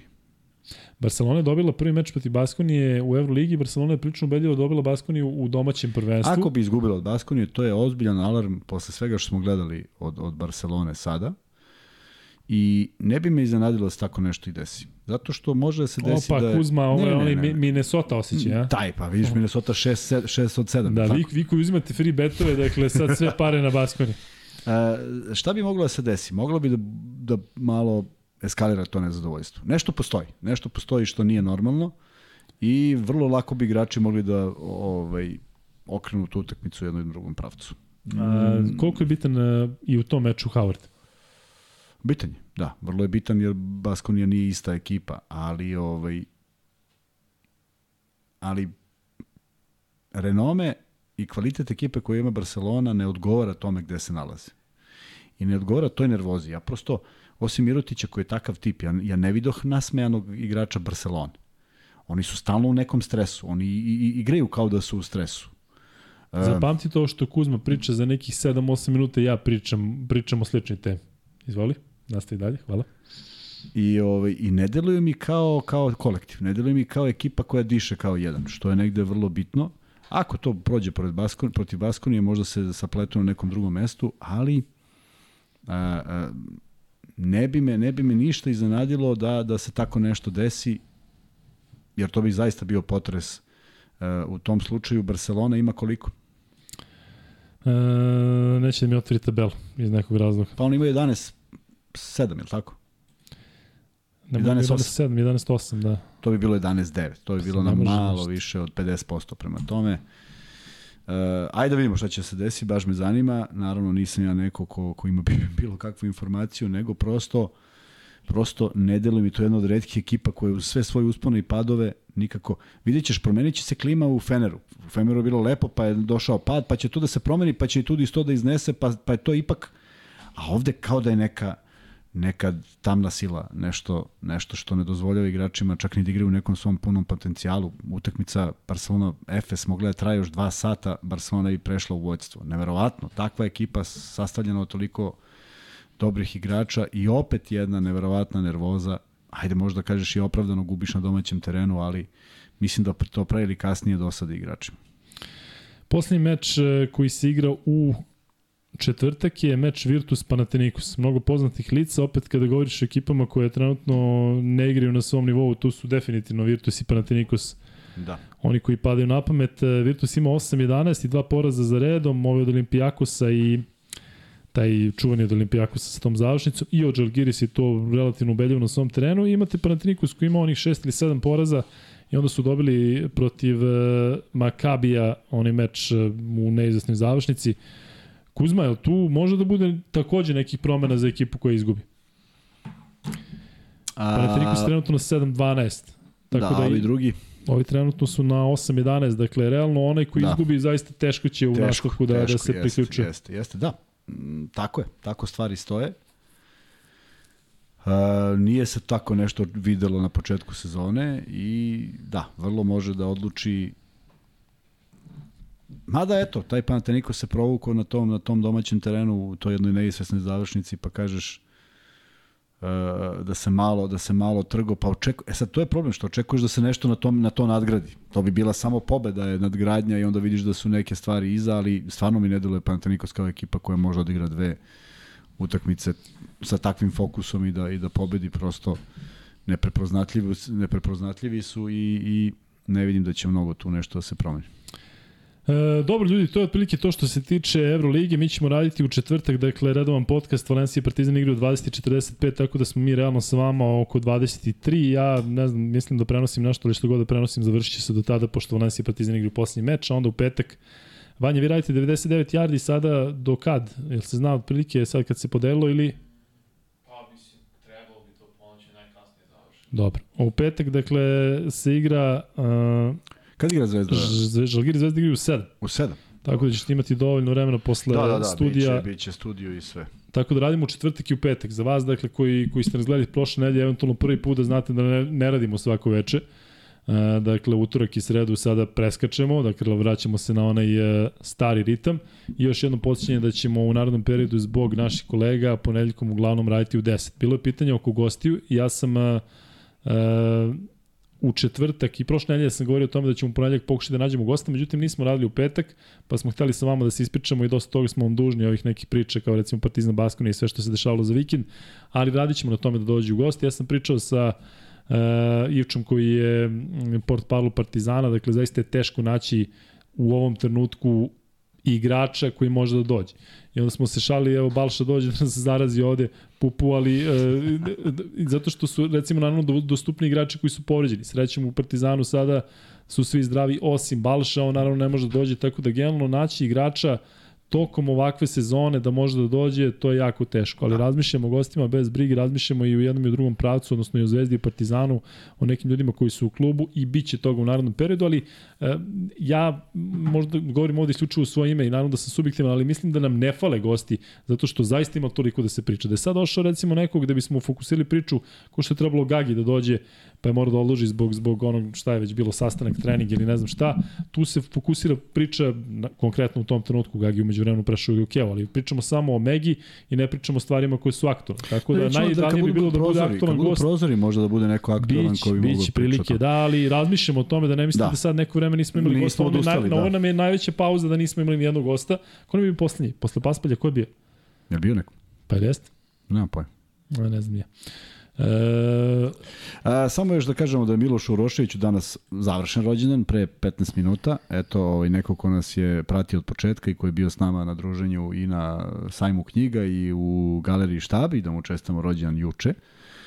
I hvala što je uvek uz nas. Dao je naravno veliki broj informacija kao i obično, ko s kim igra, ali smo sve to prešli, tako da hvala mu što gleda na svoj rođendan. E, hvala vam puno, došli smo do ovog segmenta u NBA ligi, dakle videli ste i sami da se e, to je dakle taj, ja mislim da Martin Luther King Day, je li tako? Da, MLK, da, prvi ponedljak, prvi pon, treći, treći ponedljak u, u, u januaru. E, I onda se utakmice igraju u, u ranijim e, terminima.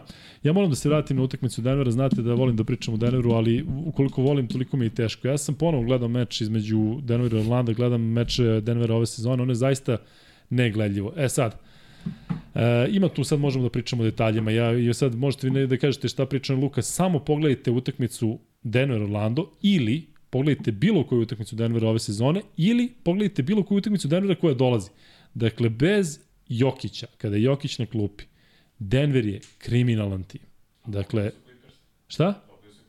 Dobili su Clippers i to je jedan jedini, jedna jedina situacija gde, gde može. Pritom Clippersi znaš koliko osciliraju. I kada Jokić izađe u normalnim uslovima, posebno u posljednjoj četvrtini, ekipa protivnička razvaljuje. I onda sam ja razmišljao, raspitivao se, tražio šta se tu dešava. I dobio sam nekoliko objašnjenja.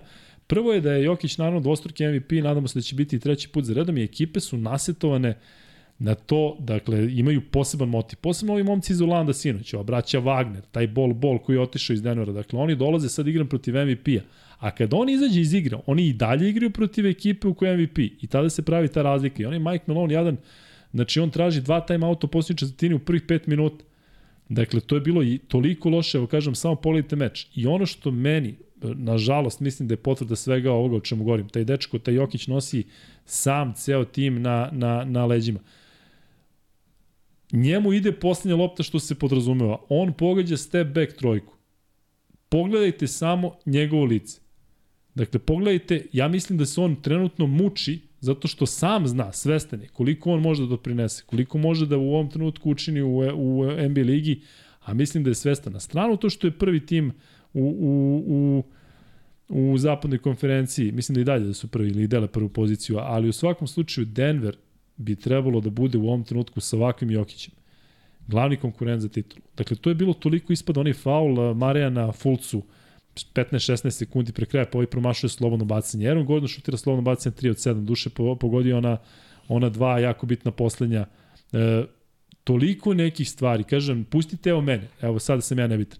Odgledajte utakmicu između Orlanda i Denvera sinoć, ako možete da vratite, i pogledajte kako izgleda Denver bez Jokića, kada je Jokić na klupi. To je konstantno ta posljednja četvrtina i onda uvek pitaju Melona na konferenciji kao pa šta se tu dešava, on kaže pa da, to je naš najbolji igrač, on mora da uđe i on nas nosi na leđima, pa dosta više da vas nosi na leđima, dajte mu pomoć, da ima neku pomoć i da, da može da bude, da može čovjek malo da odmori. A kažem još jednom, pogledajte Jokića u reakciju posle trojke.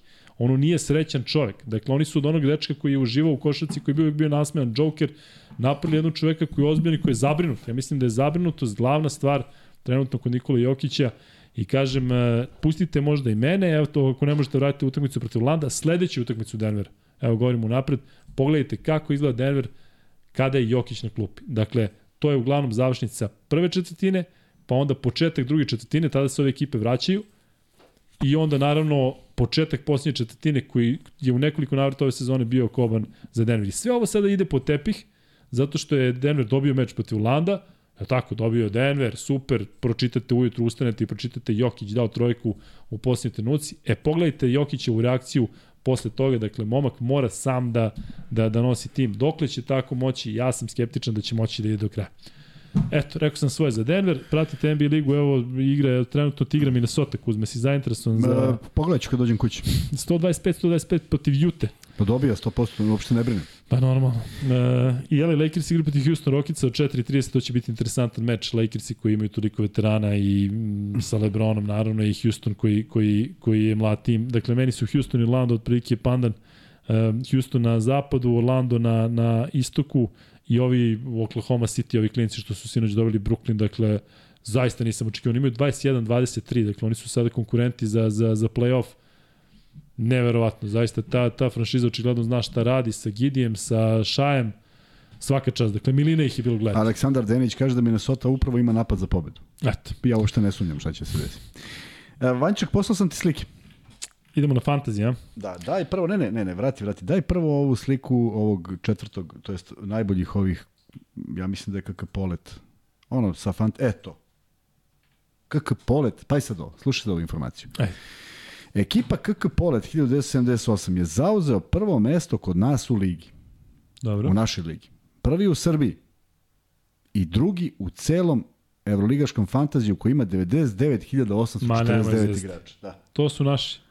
Evo ga, to su naši momci, 244,5 poena ukupno 2014. Znači ovo kolo 244,5 je drugo u celoj Euroligi. Neverovatno. Jeste. I još vrlo bitno, da ekipa Babusaurusi u ABA fantaziju su zauzeli prvo mesto kod nas u ligi i deseto mesto u ABA ligi koja ima 4844. Dakle, fenomenalni učinci ovih naših pratilaca s obzirom da u ABA ligi postoji 111 ekipa, a u Euroligi ima 803 ekipe koja se koje se takmiče. Prema tome svaka čast momci. A da vidimo top 10 timova Izvini u Kuzma, samo da skrenem pažnju ljudima, da obrate pažnju sa kojim elanom i sa kojim entuzijazmom Kuzma čita tabele je najvažnije u fantaziju. da, da, I da vas podsjetim da će svi dobitnici, odnosno na kraju dobiti vrlo vredne nagrade, tako Kuzma? Tako, samo shvatili koje. Mi, ma mi otprilike znamo koje, ali da. će biti vrlo, vrlo zanimljivo. Samo izdržite u ovome svemu. Dakle, prvi ukupno, 3080 poena, RSB tim koji je na drugom mestu iza famoznih KK Polet 1978 u ovom kolu avijatičari drugi. E, Da li ih ima na, nema ih na, na ovoj listi da u posljednjem kolu, Ryan Key treći, Twente 2, da, sad su sve ovo ekipe koje već poznajemo, KK Polet 78, 2009, 14, smanjuje taj zaostatak sa, ovih, sa ovim bodovima koje je imao, mada, uh, uh, da, smanjuje zaostatak s obzirom da je 20-32 poena više dobio u ovom kolu. Pevci na šestom mestu, 1860, Alex SD, Alex Smederevo sedmi, Dobrić je osmi, Fragola deveta, deseti, Piki Blindersi. Međutim, na, u ovom kolu ovde ima još dobrih igrača, kao što su Viejda Team 209, KK Partizan Žoc 206, Kapiteni 205, pogledaj sve u bod razlike. KK Radonjizam iz Bosne 204, Svalni klub 2, Švalni, Svalni 202, DQ 200. Vidi koliko su bodova stali ovi od trećeg do desetog mesta, nevjerojatno. I Beogradski Vukovi 11 sa 195 bodova. ABA Liga, Kokja nosilje je 2729 poena, zahvaljujući drugom mestu u ovom kolu. Drdlovani 2663, ali su na osmom mestu, malo su podbacili, 54 boda ispod Koka nosilja.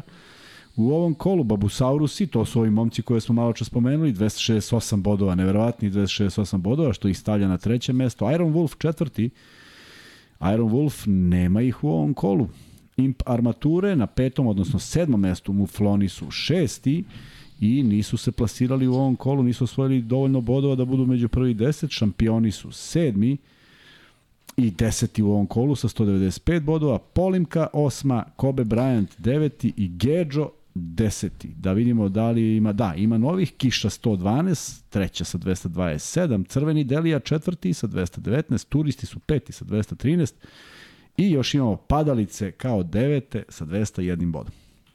Što se NBA lige tiče, Bubanj Niš 8269 bodova, sad to već odlazi na 400 razlike u odnosu na pčelice. Međutim, pčelice su druge, tako da su smanjile ovaj zaostatak, jer je Bubanj Niš bio tek šesti sa 211 bodova, 87 bodova razlike između pčelice i Bubanj Niša u ovom kolu. Rock and roll, rock and roll treći, Kilian četvrti, nema ih u ovom kolu, peti Bugari, nema ni njih, šesti Mondo Gecko, sedmi KK Podina, Os Gilat, 7435, zahvaljujući ovih 331 u ovom kolu, Kobe Bryant 24, 7233 boda i Playboy na 10. mestu 7201. Vrlo interesantno da su Imp armature i na ovoj listi sa 195 bodova, znači igraju sve lige.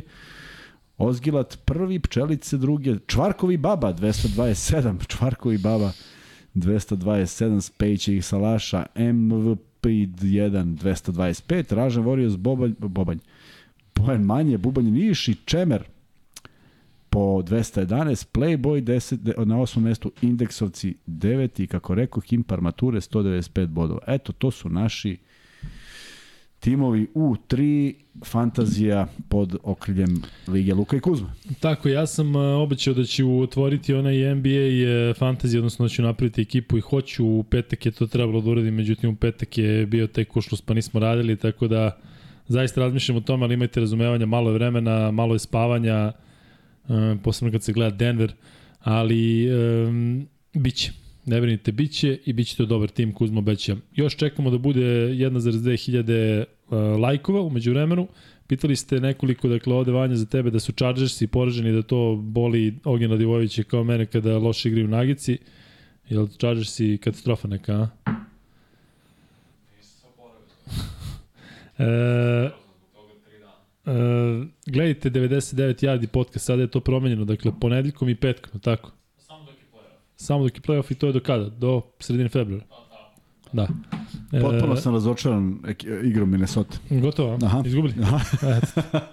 Ali potpuno sam razočaran igrom Minnesota, da. jako loše su odigrali tu završnu.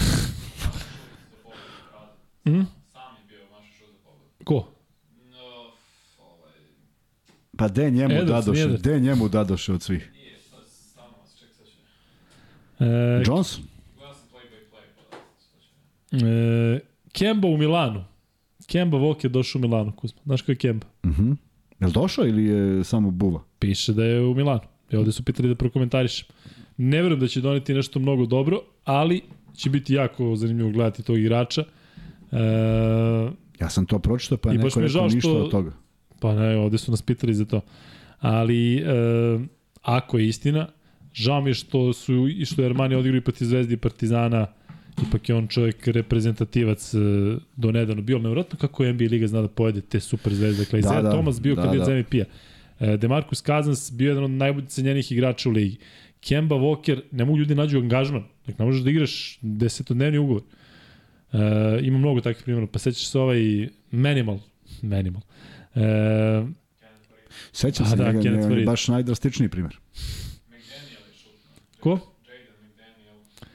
E, dobro, ali što ovo što se Kuzma šali na račun Minnesota, Minnesota definitivno igra bolje nego što Igra je to bolje, bilo u, u dobrom delu sezone. E, pitao neko za Knicks u Kako misliš šalim play-offu. se? Kako? Kako misliš šalim se? Šališ se. Jok, ne šališ se. Dakle, pitali ste za Knicks u play-offu, ja očekujem da će igrati ova sezona koja zaista deluje dobro za Knickse. Mislim da je Branson pravo pojačanje, ja bih volao da vidim nekog superstara u Knicksima, ali eto, očigledno da na ovom istoku oni igraju igraju dobro, pratio sam ih e, na posljednjih nekoliko mečeva i deluje to zaista dobro. RJ Barrett postaje onako preozbiljan bek, e, Thibodeau to je sklopio u jednu pristojnu ekipu, s obzirom na to kako su Knicks igli poslednjih sezona, još od kad je Carmelo otišao, ovo je premija. E, Kuzma, pitaju kako ti je bilo na proslavi sa Džangirom. Odlično. Daješ Podsjetili se sad? nekih starih vremena, nekih anegdota koje zaboraviš. Ovaj, on je zabavan kao i uvek. Bio je tu Meda. Medić se preziva i on je, ovaj, sad je ozbiljan stomatolog. Tad je isto podjednako talentovan bio. Cela ta generacija je bila talentovana. Bio Lavrnić, Lavrnić koji je došao kao iskusan igrač u OKK Beograd. Tako da je to bila ekipa za mojim stolom, sve momci iz OKK. Imaju jednu sliku dobro, svi oni koji su igrali u isto vreme. petorica ih je bilo na, na, na proslavi, Avlijaš i Krasić, tako da to oni jesu jedno, jedno vreme igrali svi zajedno. I, ovaj, I da, bilo je interesantno, kažem, podsjetili se svega nečega. Čak mi je pričao o nekim stvarima koje su manje poznate, gde, kako, šta mu se dešavalo, zašto, i, zašto su bili loši izbori i tako dalje. Ima tu puno neverovatnih stvari, ali i on se našao u jednom poslu, radi sa drvom, sa nameštajem, vrlo je zadovoljan kako to radi. Tako da sve je došlo na svoje. Čekamo 1200 ti like pa da ispucamo i treći free bet. Smo pa dali tri free, max beta, smo imali tri free beta danas ili dva? Ne znam koliko si dao. Mislim da su bila dva. Bilo su dva. Da, bilo su dva, rekao da nisam ispucao tri.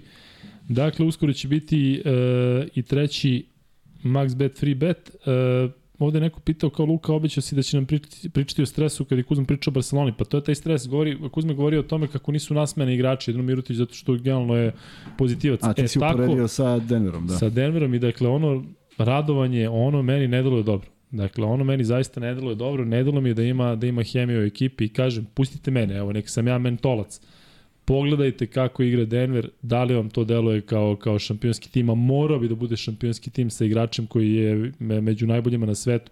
Dakle, ovo, ovo što uh, obara rekorde, Jokić, dakle, to sve mi pročitamo i sve to su preozbiljne stvari. Dakle, on toliko dominira u ligi, hvale ga najveća, najveća imena svih vremena, hvale Jokića kao nekoga ko je poseban, vidite šta radi, ono što se meni dopada o čemu sam pričao, dakle, na 0,3 asistencije da ima triple-double u proseku.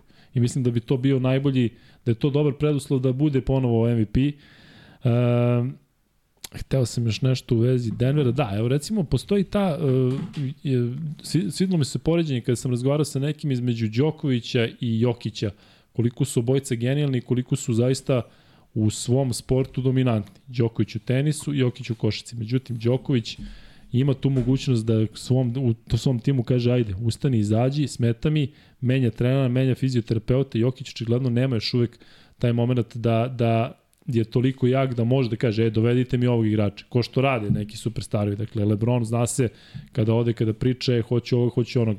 Mislim da bi za ekipu bilo fenomenalno kad bi došao Bogdan Bogdanović, zato što Bogdan Bogdanović i Nikola Jokić su igrali samo jednom zajedno, ako se ne varam, i to je bilo 2016. na olimpijskim igrama, ako se ne varam.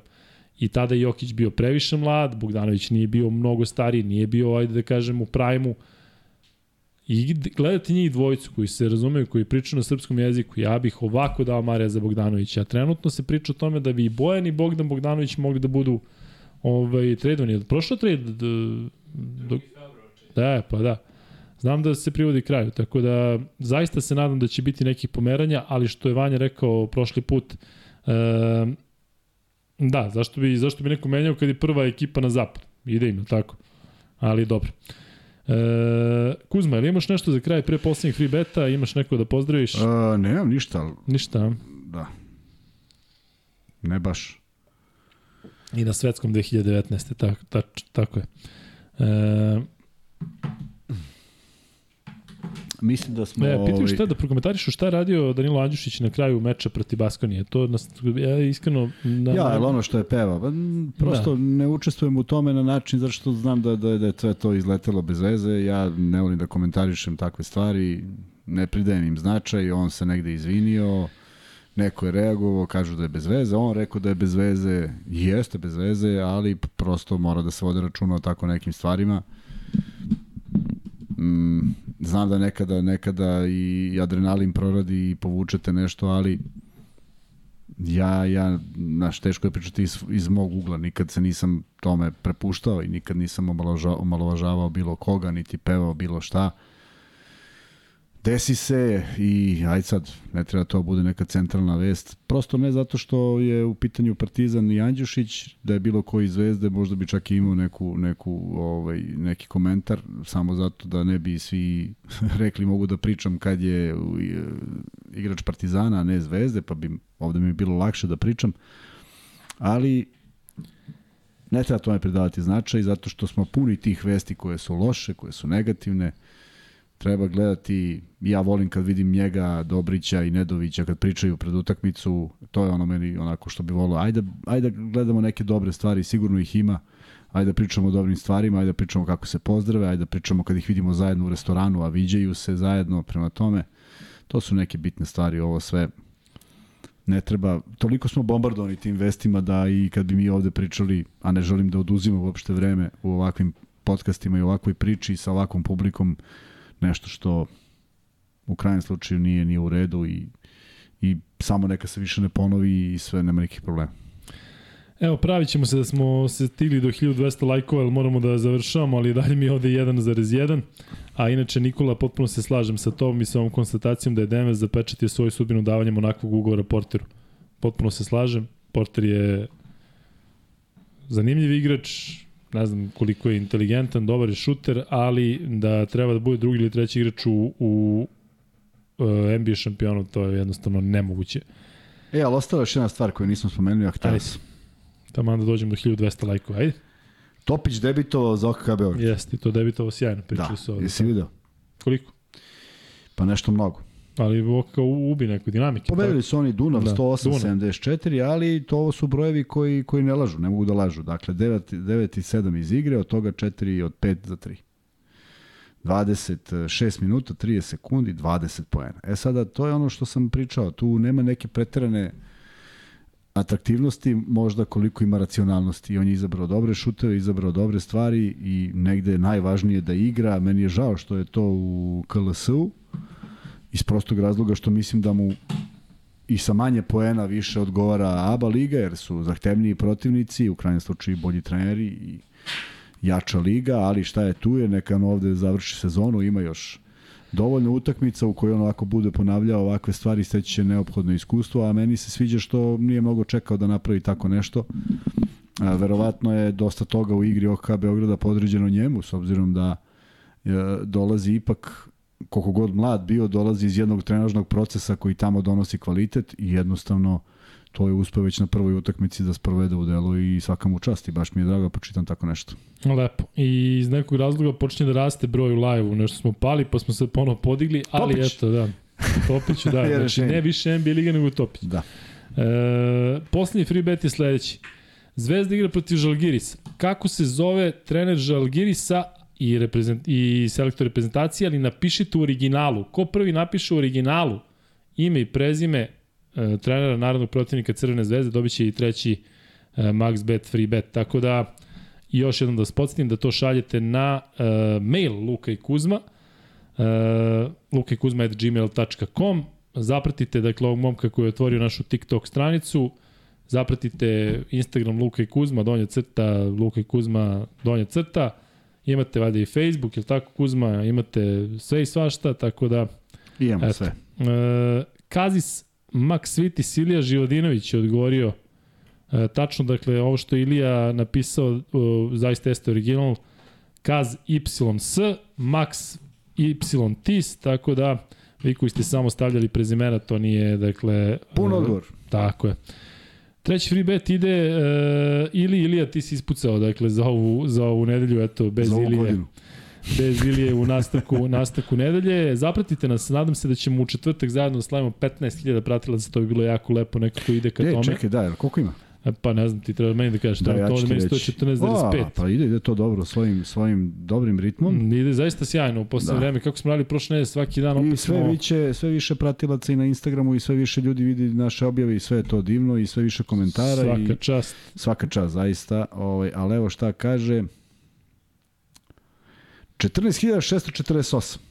14.648. Dakle, Možda nećemo 52. slaviti ovaj, e, do četvrtka, možda ispunite tu kvotu od 15.000, ali proslavit ćemo u svakom slučaju ako evo, ne bude Evo live. sad neke novosti, e, Ajde. da Ivan Pejić piše, a ja zaista više ne sunjam to što priča. Ovaj, e, Mesina je demantovao dolazak Kembe Vokera, to je jedna Jeste. stvar.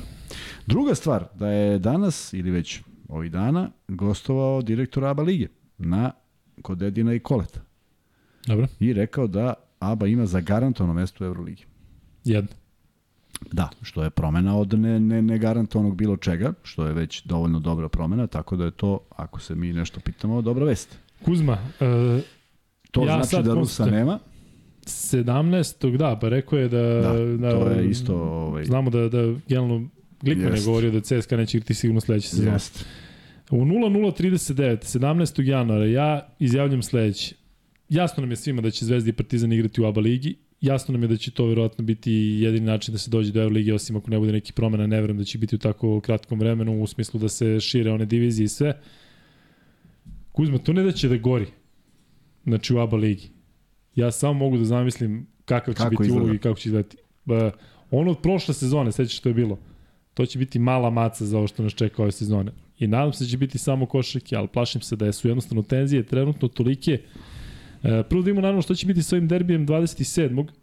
Možda ubacimo i tu neki specijal Kuzma, ono, pre, posle, naknadno, a? Pre, posle za vreme. To.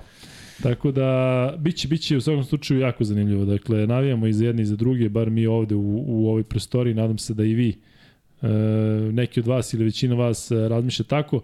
Što se tiče ovog podcasta 122. došli smo do samog kraja, 2 sata i 40 minuta smo zajedno. Sledeći podcast je Kuzma u četvrtak kada ćemo pričati naravno o Javit ćemo koliko sati? Tako, očekujte oko 23, to je realno. Uh, da. I onda ćemo u petak raditi posle 99 yardi oko ponoći. Dakle, vraćamo se u onaj standardni ritam ponedljak, četvrtak, petak. Kuzma, to je to za ovu priču. Imaš Tako nešto? Nema, lako noć svima. Uživajte.